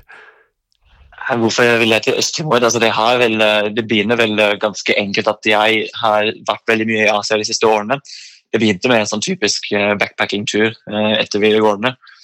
På, eh, I Bangkok, noe Thailand, Lao, Kambodsja, Vietnam. Og så har det bare kommet så langt at jeg har vært til mer eller mindre alle land i, som kan kalles for Øst-Asia. Da er det bare Brunei, Indonesia og Øst-Timor som jeg mangler. Og det med Øst-Timor er, er, jo et land som, har, eh, som man selvfølgelig ikke tenker veldig mye på. Det var et portugisisk koloni back in the day. Um, og landet har ikke vært uh, uavhengig uh, mer enn 20 år. Så det er jo et, uh, en lite, lite del av, et, av, en øy som deles med et såpass stort land som Indonesia, som er klemmet inn innimellom Mm. Australia på, på sørlig side og Indonesia på resten. Så det er et, um, et lite, lite sted som aldri når nyhetene. Uh, veldig lite kommer ut der. Men historien uh, syns jeg er veldig interessant, selv om de ikke har en veldig stor fotballhistorie der borte. Nei, ikke sant. Uh, de har faktisk nådd nyhetene en gang, fordi jeg husker husker verken hvor gammel jeg var, eller, eller nøyaktig hva Altså når dette var nøyaktig hva som ble sagt, men jeg husker den dagen Øst-Timor ble anerkjent som et eh, eget land. Da nådde akkurat det nyhetene. Det dukka opp på om det var Dagsrevyen eller TV 2-nyhetene mm, en gang jeg var vesentlig yngre enn nå. Hvor da vi hadde fått et nytt land. Nå er vi så og så mange. Eh, det er det første og siste, egentlig, jeg hadde hørt om Øst-Timor fram til du nevnte det nå. Jeg har null idé om hva man finner der. Eh, så Det um, er akkurat som eh, Papua Ny-Guinea og Indonesia, så at de deler eh, en øy, altså to forskjellige land. Så har du samme situasjon på Timor, det er det øya heter. Vestlige delen av Timor er en del av Indonesia, mens Øst-Timor er et selvstendig land. De var um, et lite outpost, en kolonial outpost fra Portugal siden 1600-tallet. Og så når Nederland tok Indonesia som koloni, så fikk, uh, de beholde, fikk Portugal i hvert fall beholde Øst-Timor, den lille tuppen av den øya. Um, de fikk beholde den, sitt eget koloni der borte. Og så når Portugal sleit med en militærdiktatur på 70-tallet, så bestemte de at de hadde nok av et kolonial for kolonialstyret, og så skulle de bli uavhengige. Og Rett etter det skjedde på 70-tallet, så, så ble invaderte Indonesia øya og tok over, skulle ta over hele landet. Og Det resulterte i at det fins faktisk en, en genocid, som vi også har snakka om før her. Sammen med, altså et folkemord? Med Lars. Mm. Ja, et folkemord. Det er øst-timorske folkemord, på, eller genocide, East Timor genocide. Her, det er flere hundre tusen som har dødd, og det er et land vi snakker om som har maks 1,5 millioner innbyggere i dag. Så det er um, ikke en liten andel. Det var brutalt. Det var up close med macheter. Litt sånn uh, som den i Afrika her. Nei. Litt sånn som man ser i, i, i de siste par Rambo-filmene, ja. og tenker at dette kan bare skje på film. Virkeligheten er ofte verre. ja, faktisk. De stedene Josh vil, så er virkeligheten verre enn en den drøyeste Rambo-film. Vi tar også pauser opptaket lite grann, og så ser vi åssen vi kan beholde Josh på tråden når batteriet til Lars dør. Verre var det ikke. Vi har fått bytta telefon og har fortsatt Josh med oss, Lars. Og det er din tur til å komme med et av ja, vi, vi, sa fem, men uh, jeg tror du skal velge med omhu for, om vi skal bli ferdige her i dag. Ja, da kan jeg jo si uh, Buenos Aires. Og der har du vært før? Ja, der har Josh vært også. jeg er ikke ferdig med det, den byen, altså. Og heller, kanskje også resten av landet. Jeg, jeg var jo ikke utafor byen. Nei, det, det, var Buenos Aires som var Argentina for deg? Ja, så der er det mye å gjøre, og nå har jeg gjort unna en del av de turistgreiene. Så kan jeg føle at jeg kan begynne å gå litt mer off the beaten path. Kanskje ta en tur over til Uruguay. Se Peñarol eller Nacional. Eller begge to samtidig? Mot hverandre. Ja. eller uh, Jeg mangler jo også en del lag. Jeg mangler jo Velez Sarsfield i Buenos Aires. Altså, Buenos Aires, du så, du så, en god del kamper der, men uh, man kan jo nesten ikke få fullført den byen, for det er så ja, sinnssykt mange topplag. Uh, jeg så Boca River, Huracan San Lorenzo og Independiente mot Argentines Juniors. Men ikke sant, veldig Sarsfield, San Lorenzo hjemme, Racing. Mm. Uh, og så har jeg en, en, en greie for et, et mindre lag som heter Nueva Chicago. Egentlig bare fordi at jeg har sett uh, sånne der tribunebilder og sånn. De er fra Nueva Chicago? Nueva nye Chicago? Nye Chicago. Det er fra, og det tror jeg er på grunn av at uh, jeg tror det er slakteindustri der. For Chicago var jo slaktehusby. Mm. Det var da hvor de skipa alle dyra inn fra prærien. Og det er samme i Buenos Aires antagelig. På et eller annet tidspunkt så var det på en måte kanten av byen, og da var det der alle kyra ble tatt til for å bli slakta og pakka og sendt til Europa og sånn. Uh, tipper jeg, da. Så, for de er på en måte på kanten av Buenos Aires by, så det er ganske langt ute. Mm. Sikkert ganske lite turistaktig. Men det, det, skal du se. Skal og skal, i hvert fall. Eh, det er eh, står på lista. Ja. For uh, altså Du, du snakka om dette i en episode i fjor, uh, Lars. Uh, og Josh, du, du, har også vært en tur i, i Argentina. Vi, vi, hadde jo for så vidt en runde innledningsvis her på steder som vi savner, som vi har vært før, men det er kanskje litt det er jo enklere å si uh, type Beograd eller, uh, eller Hamburg, som, som, du kan ta en helg i, enn ja. en Buenos Aires. Men jeg, jeg, regner med at du også kunne tenkt deg en tur til uh, tilbake dit, Josh? Ja, jeg fikk jo bare sett én kamp dessverre i Argentina, så da har du vel, vært veldig heldig Lars, med å få tre derby. Måtte jobbe litt, da. For å Da var det mye kaos, altså. Ja, det stemmer. Nei, jeg, jeg jeg fikk jo, jeg fikk jo gjennom kontakter og han ene jeg reiste med, um, så fikk jeg jo sett uh, Bocca mot San Lorenzo. Um, det er en fantastisk kamp. Um, det endte 3-0 til Bocca, og det var jo en slags bærende drøm som gikk i oppfølging der, for å se en kamp på La Bombonera. Altså, det er uh, en av verdens feteste stadioner, og nå blir den snart ombygd, folkens. Så det er bare å reise mens man kan. De kommer til å rive den derre Altså, jeg tror ikke det blir noe dårligere stemning egentlig når det er ferdig, for det de gjør, er at de river den derre veggen som er den ene langsida. Ja. Men det er også det som gjør det unikt, da. Så bare bygger de tre sånne ringer da, rundt ja. hele. Så blir det bare enda ja, gærnere, antagelig. Det, det er spesiell, noe spesielt med det å bombardere med denne veggen, fordi den, det virker så feilplassert. Resten av stadion er jo en, mm. en, en, skål, men den veggen den virker bare Å, da har vi ikke nok plass på denne sida av uh, byen, fordi det er jo midt i et tett uh, boligstrøk, ikke sant? Det er gate rett bak. Hm. Men det er Det som også er fascinerende, de folka som står i den veggen, så det er sånne vipper og sånt noe, de er jo like gærne, de. De har jo bannere sjøl, uh, med gruppering, navn og alt mulig, de som henger der òg. Det, det, er jo Ja, det er, det er fascinerende. Og som, som, vi var inne på sist, den gynger faktisk, det er ikke en myte. Ja. At den gynger med synginga, den, den stallen. Så den er helt sjuk.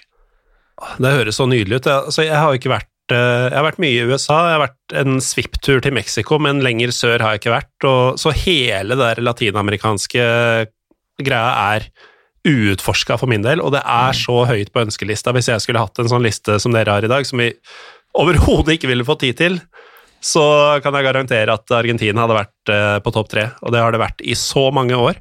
Og hvis man skal ta noe positivt ut fra dette pandemidrittet, da, så er det jo at eh, hvis man vil, så kan man jo faktisk sette av en del penger. Eh, jeg prøver på det nå, sånn at disse drømmene mine om type Sentral-Asia, Sør-Amerika, Iran for den saks skyld, Japan forhåpentligvis kan realiseres på et eller annet tidspunkt.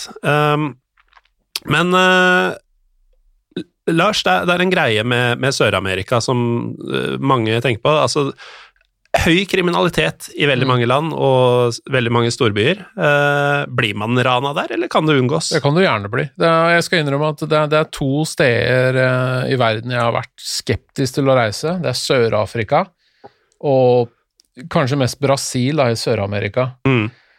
Uh, for altså, jeg var jo i Rio på den samme turen, og når du er i Rio, så Det er ikke en by hvor du kan ikke sant, Man sier jo gjerne at hvis du skal virkelig oppdage en by, så må du gå der bort og sånn. Mm. Eh, du gjør ikke det i Rio. Nei, det er ikke noe lurt. Du kan kanskje slippe unna med det Buenos Aires, men du bør ha en femmer i sokken for å kunne ta taxi hjem.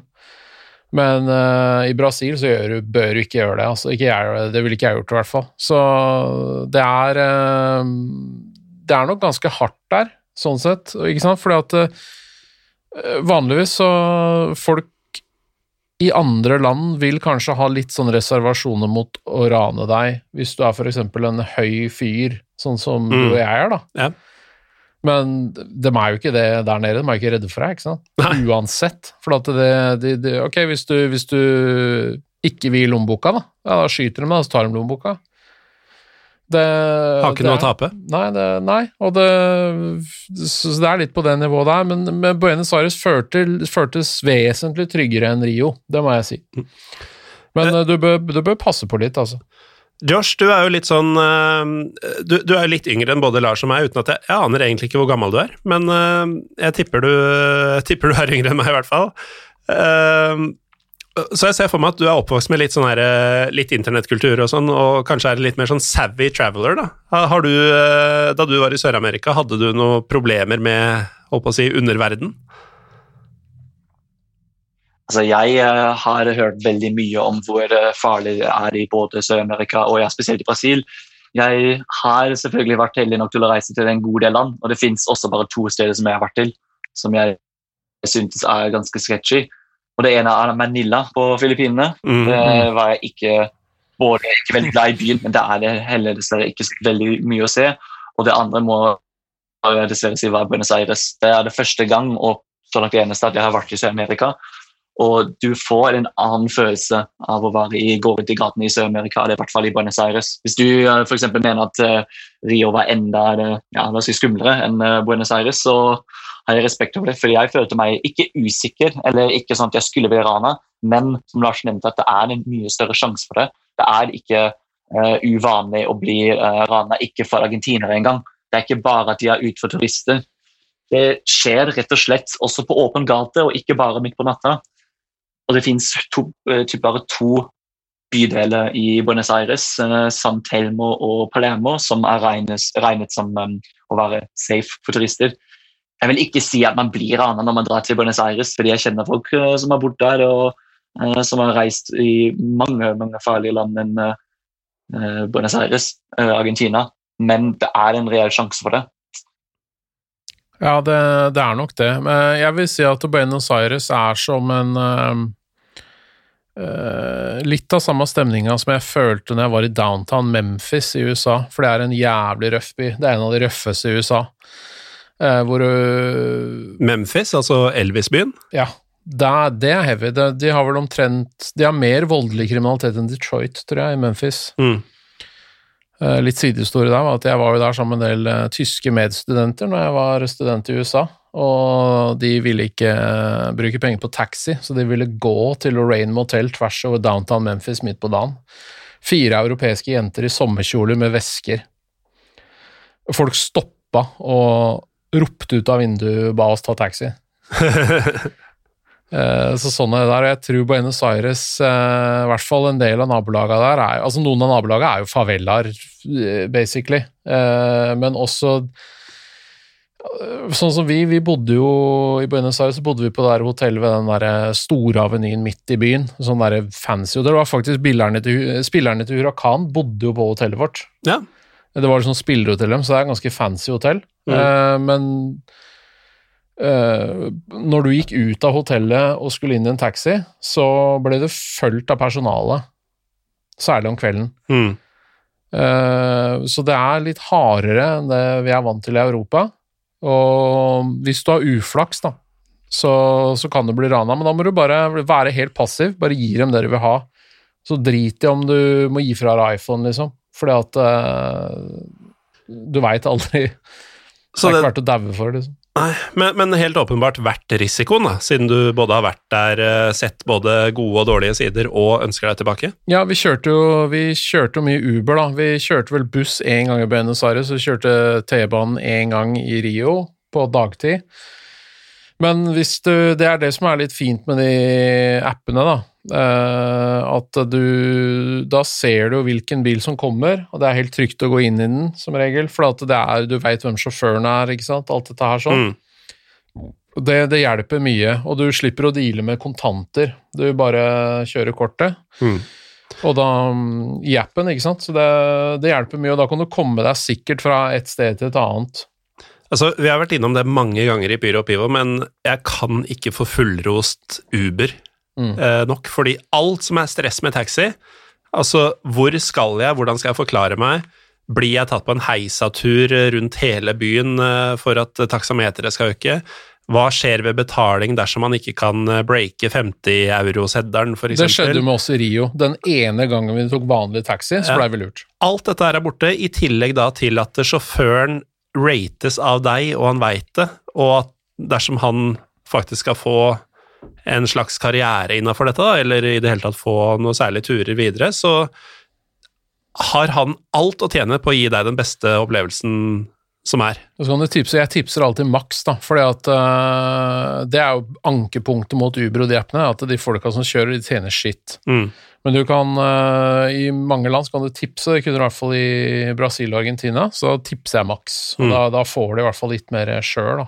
Mm.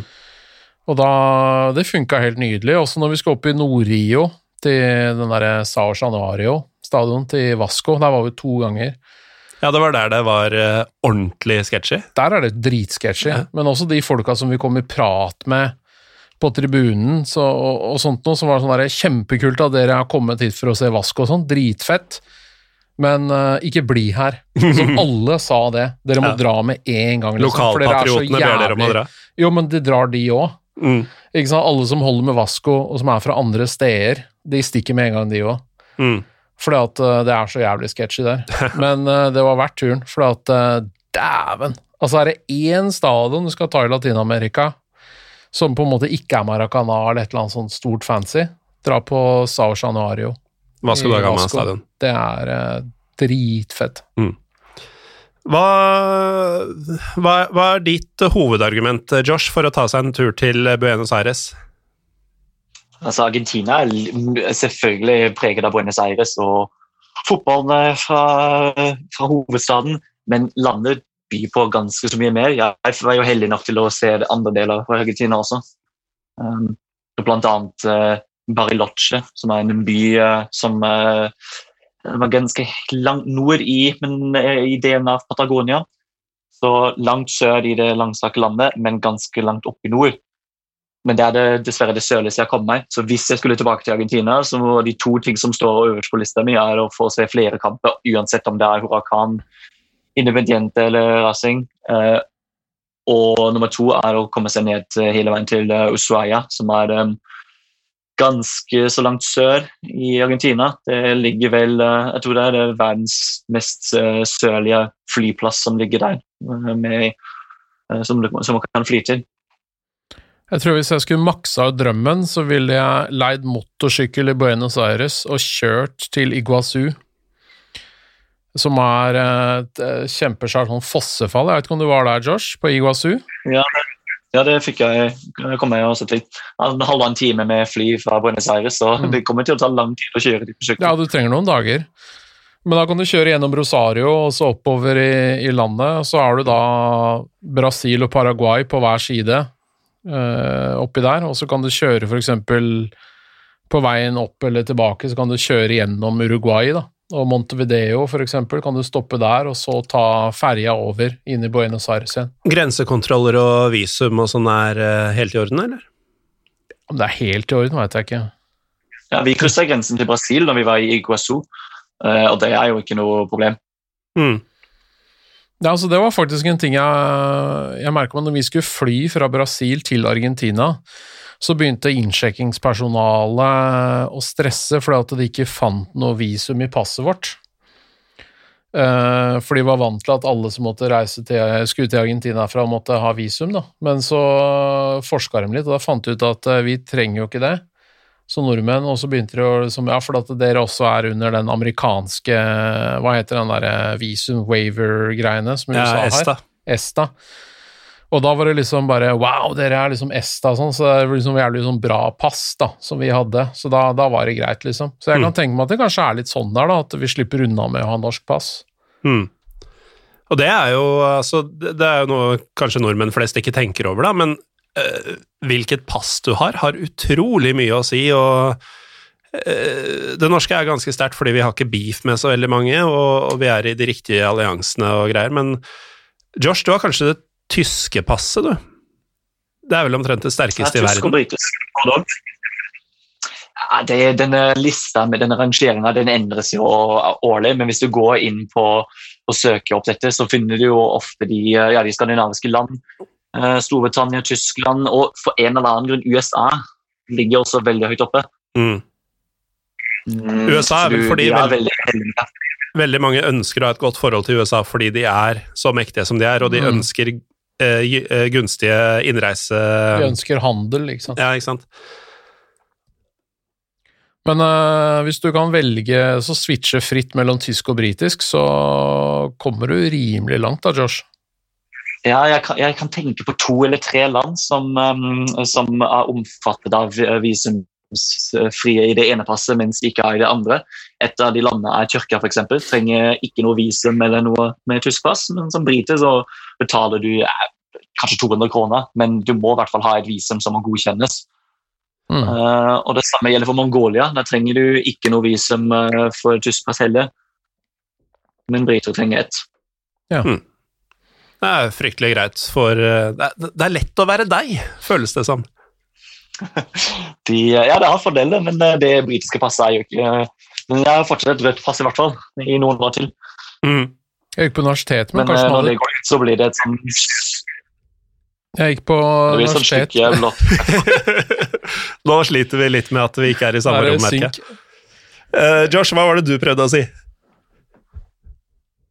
Og jeg prøvde bare å si at uh, det er um, når det britiske passet mitt går ut og, og switcher fra rødt til blått, og når EU-stjerner sånn på, så kommer jeg bare til å begynne å bruke det tyske passet. Og du skulle fortelle en universitetshistorie, Josh? Nei, en fyr jeg studerte med, som hadde norsk, italiensk, britisk og sveitsisk pass. Han hadde fire statsborgerskap. Eh, Jeg skjønner ikke hvordan han hadde fått til det, men han hadde mye familie overalt. Og, Så han, eh, han kunne jo egentlig bare Jeg tror han kunne reise visumfritt omtrent overalt. Ja. Sveits er nok også ganske greit, tror jeg. Ja. Der er det lite trøbbel, altså. Jeg, tenker at eneste trøbbelet du kan få med sveitsisk pass, er at du kommer et eh, sted hvor de ikke veit at Sveits fins. ikke har noe forhold til det.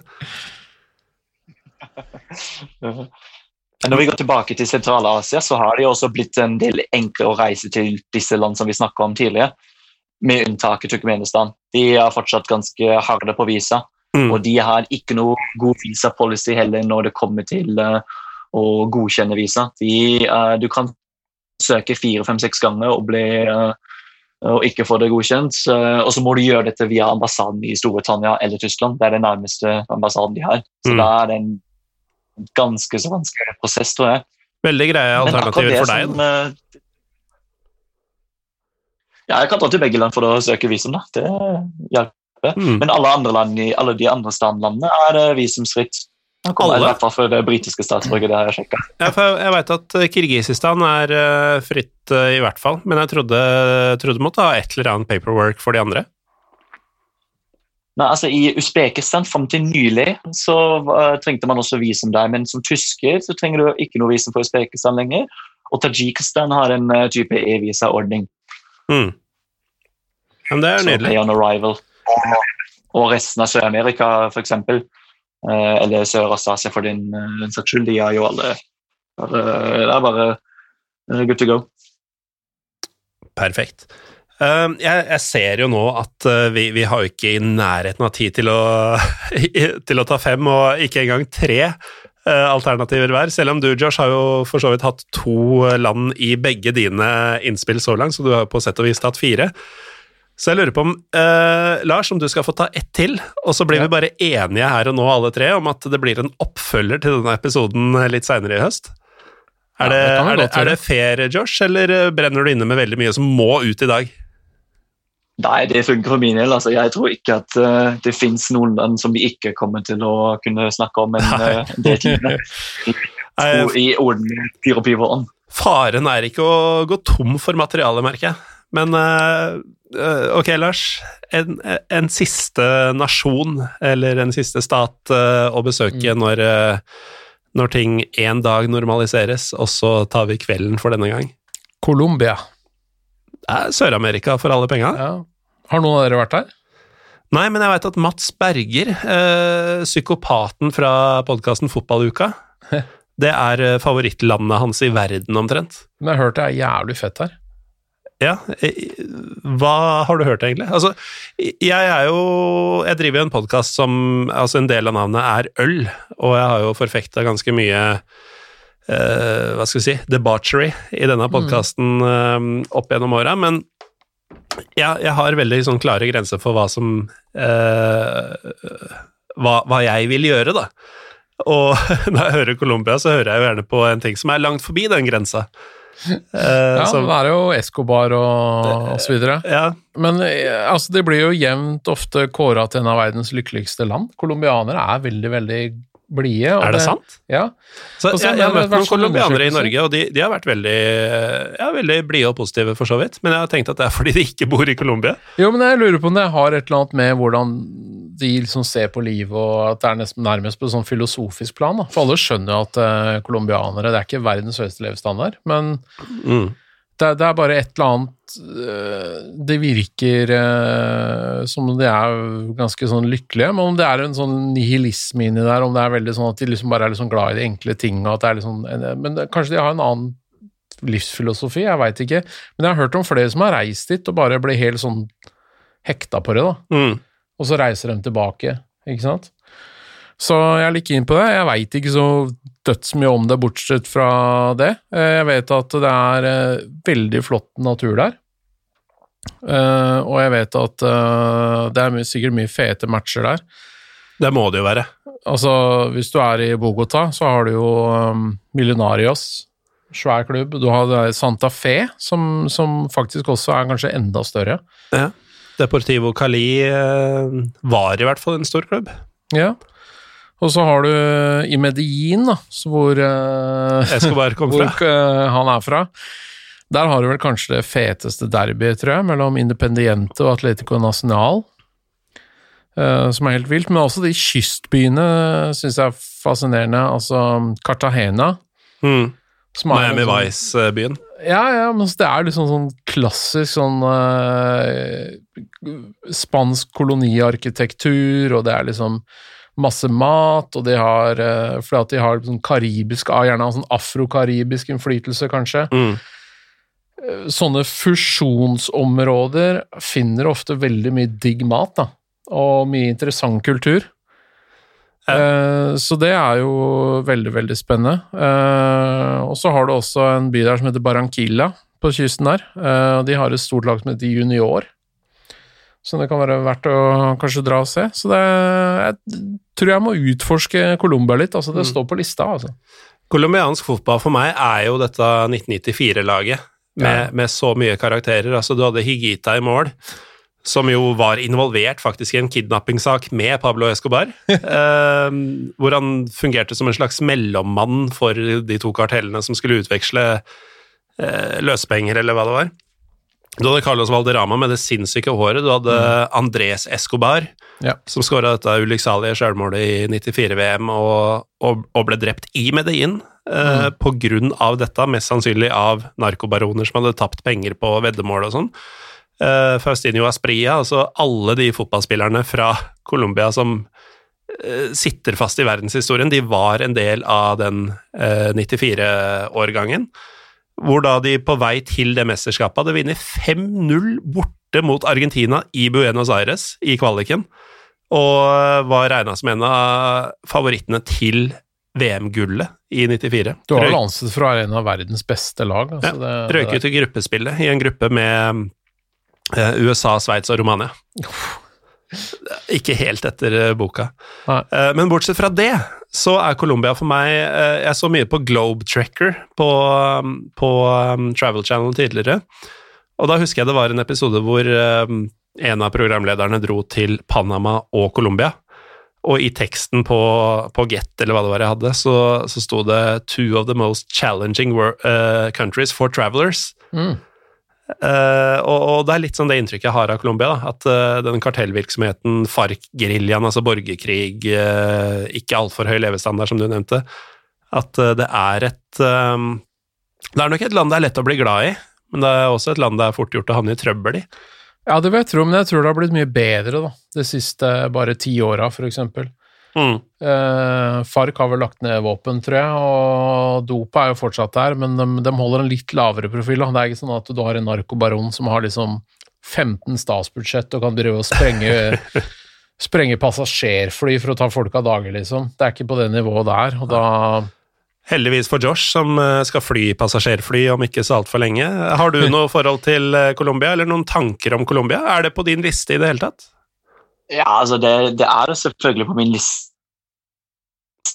på et eller annet uh, rangering, men ikke veldig høyt oppe. Men ikke fordi vi ikke uh, kunne tenke meg å dra dit. Altså, jeg har veldig mye på liksom, spesielt Katarina og um, Bogotá, men egentlig så har jeg ikke noe forhold til. Jeg har én kompis uh, som underviste engelsk der i ett år for en del år tilbake. Og han og tok, tok en, dette var i 2014, rett etter VM.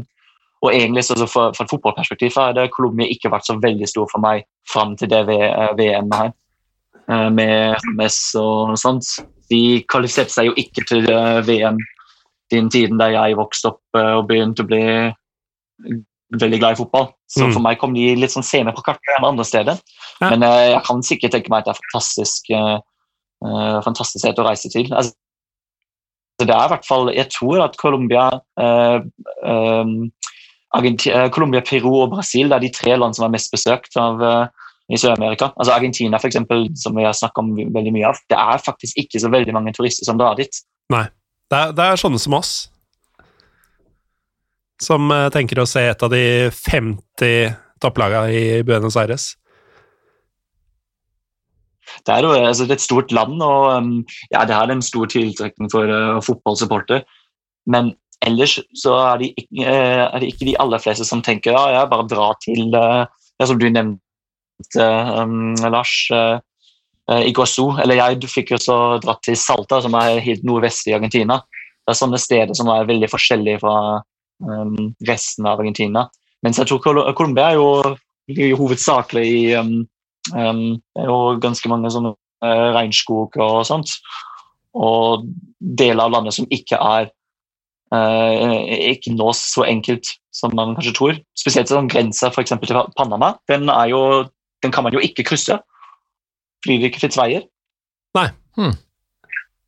Ja, det er den, fordi det er ikke mulig å kjøre over grensa fordi det er et sånt uh, ja, mye-område, heter det vel. Det er, ikke, altså det er regnskog. og um, uh, Det nærmeste du kommer deg til grensa fra, fra, fra begge sider, er type uh, noen ja, noen hundre, sånn 100 km eller så du må enten ta ferje eller fly.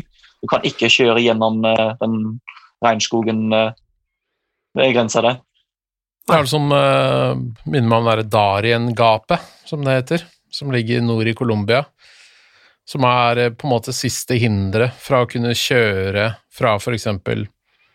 Argentina til Alaska da, med bil.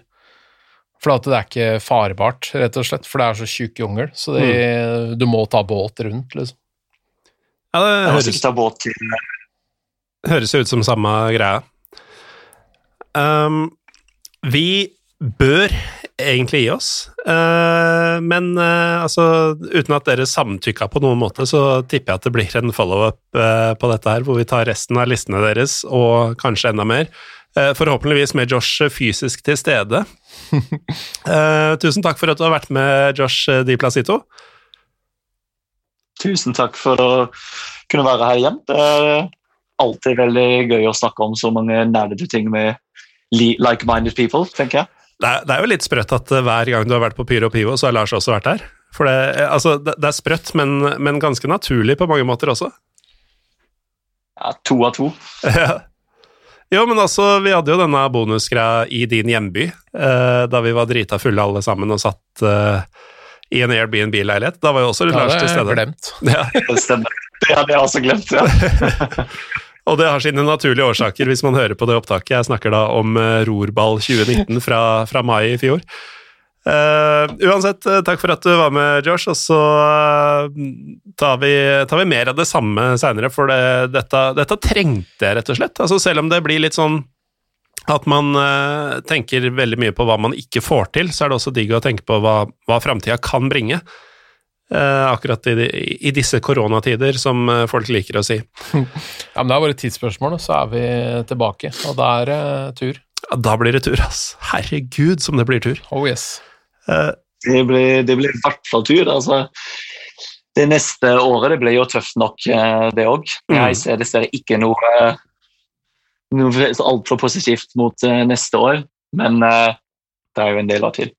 Ja. Nei, jeg har slått fra meg det å skulle noe sted i overskuelig framtid. Jeg kan se for meg at jeg sitter her i september 2021 og ikke har vært i noe land Uh, ja, på halvannet år på den tida. Men eh, en dag så løsner det igjen. Får vi satse på. Men uansett, eh, takk for at du var med, Josh. Eh, takk til deg også, Lars Skau, for at ja, du takk atter en gang kom inn i studio, drakk et par pils og dro fram noen nerdefakta som jeg ikke trodde var mulig å dra fram.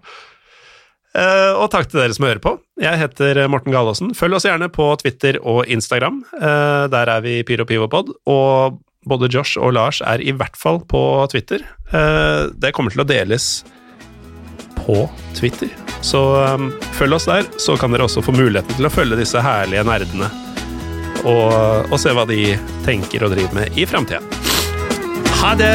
Ha det.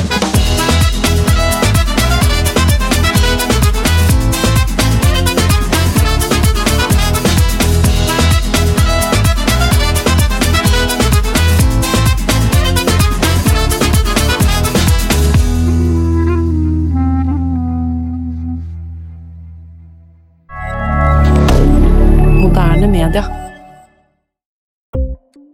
Ukens annonsør er HelloFresh. HelloFresh er verdens ledende matkasseleverandør og kan være redningen i en travel hverdag. Mange av oss har nok vandret i butikken både sultne og uten en plan for middagen, som ender med at vi går for de samme kjedelige rettene gang på gang. Middag burde være dagens høydepunkt. Som Hello Fresh kan du nå velge mellom 25 ulike retter hver eneste uke, eller få Hello Fresh til å sette sammen menyen for deg. Dette gir deg muligheten til å prøve nye og spennende retter alene eller sammen med familien. Du velger antall porsjoner og får alt levert på døren på et tidspunkt som passer for deg. Oppskriftene er enkle, og maten er lett å lage både for store og for små. Ved å få alt levert hjem får du også mer tid til å dele matgleden med familie og venner. Kanskje det frister med asiatiske tacos eller greskinspirert kylling? Da kan jeg anbefale deg om å gå inn på hellofresh.no. Her kan du bruke koden FOTBALL og få opptil 1779 kroner i rabatt på de første fem matkastene hvis du ikke har prøvd Hello Fresh tidligere. Du kan også bruke rabatten hvis du har vært kunde og stoppet abonnementet ditt for tolv måneder siden eller lengre. Gå inn på hellofresh.no og bruk koden FOTBALL. Har du et enkeltpersonforetak eller en liten bedrift? Da er du sikkert lei av å høre meg snakke om hvor enkelt det er med kvitteringer og bilag i fiken, så vi eh, gir oss her, vi. Fordi vi liker enkelt. Fiken superenkelt regnskap.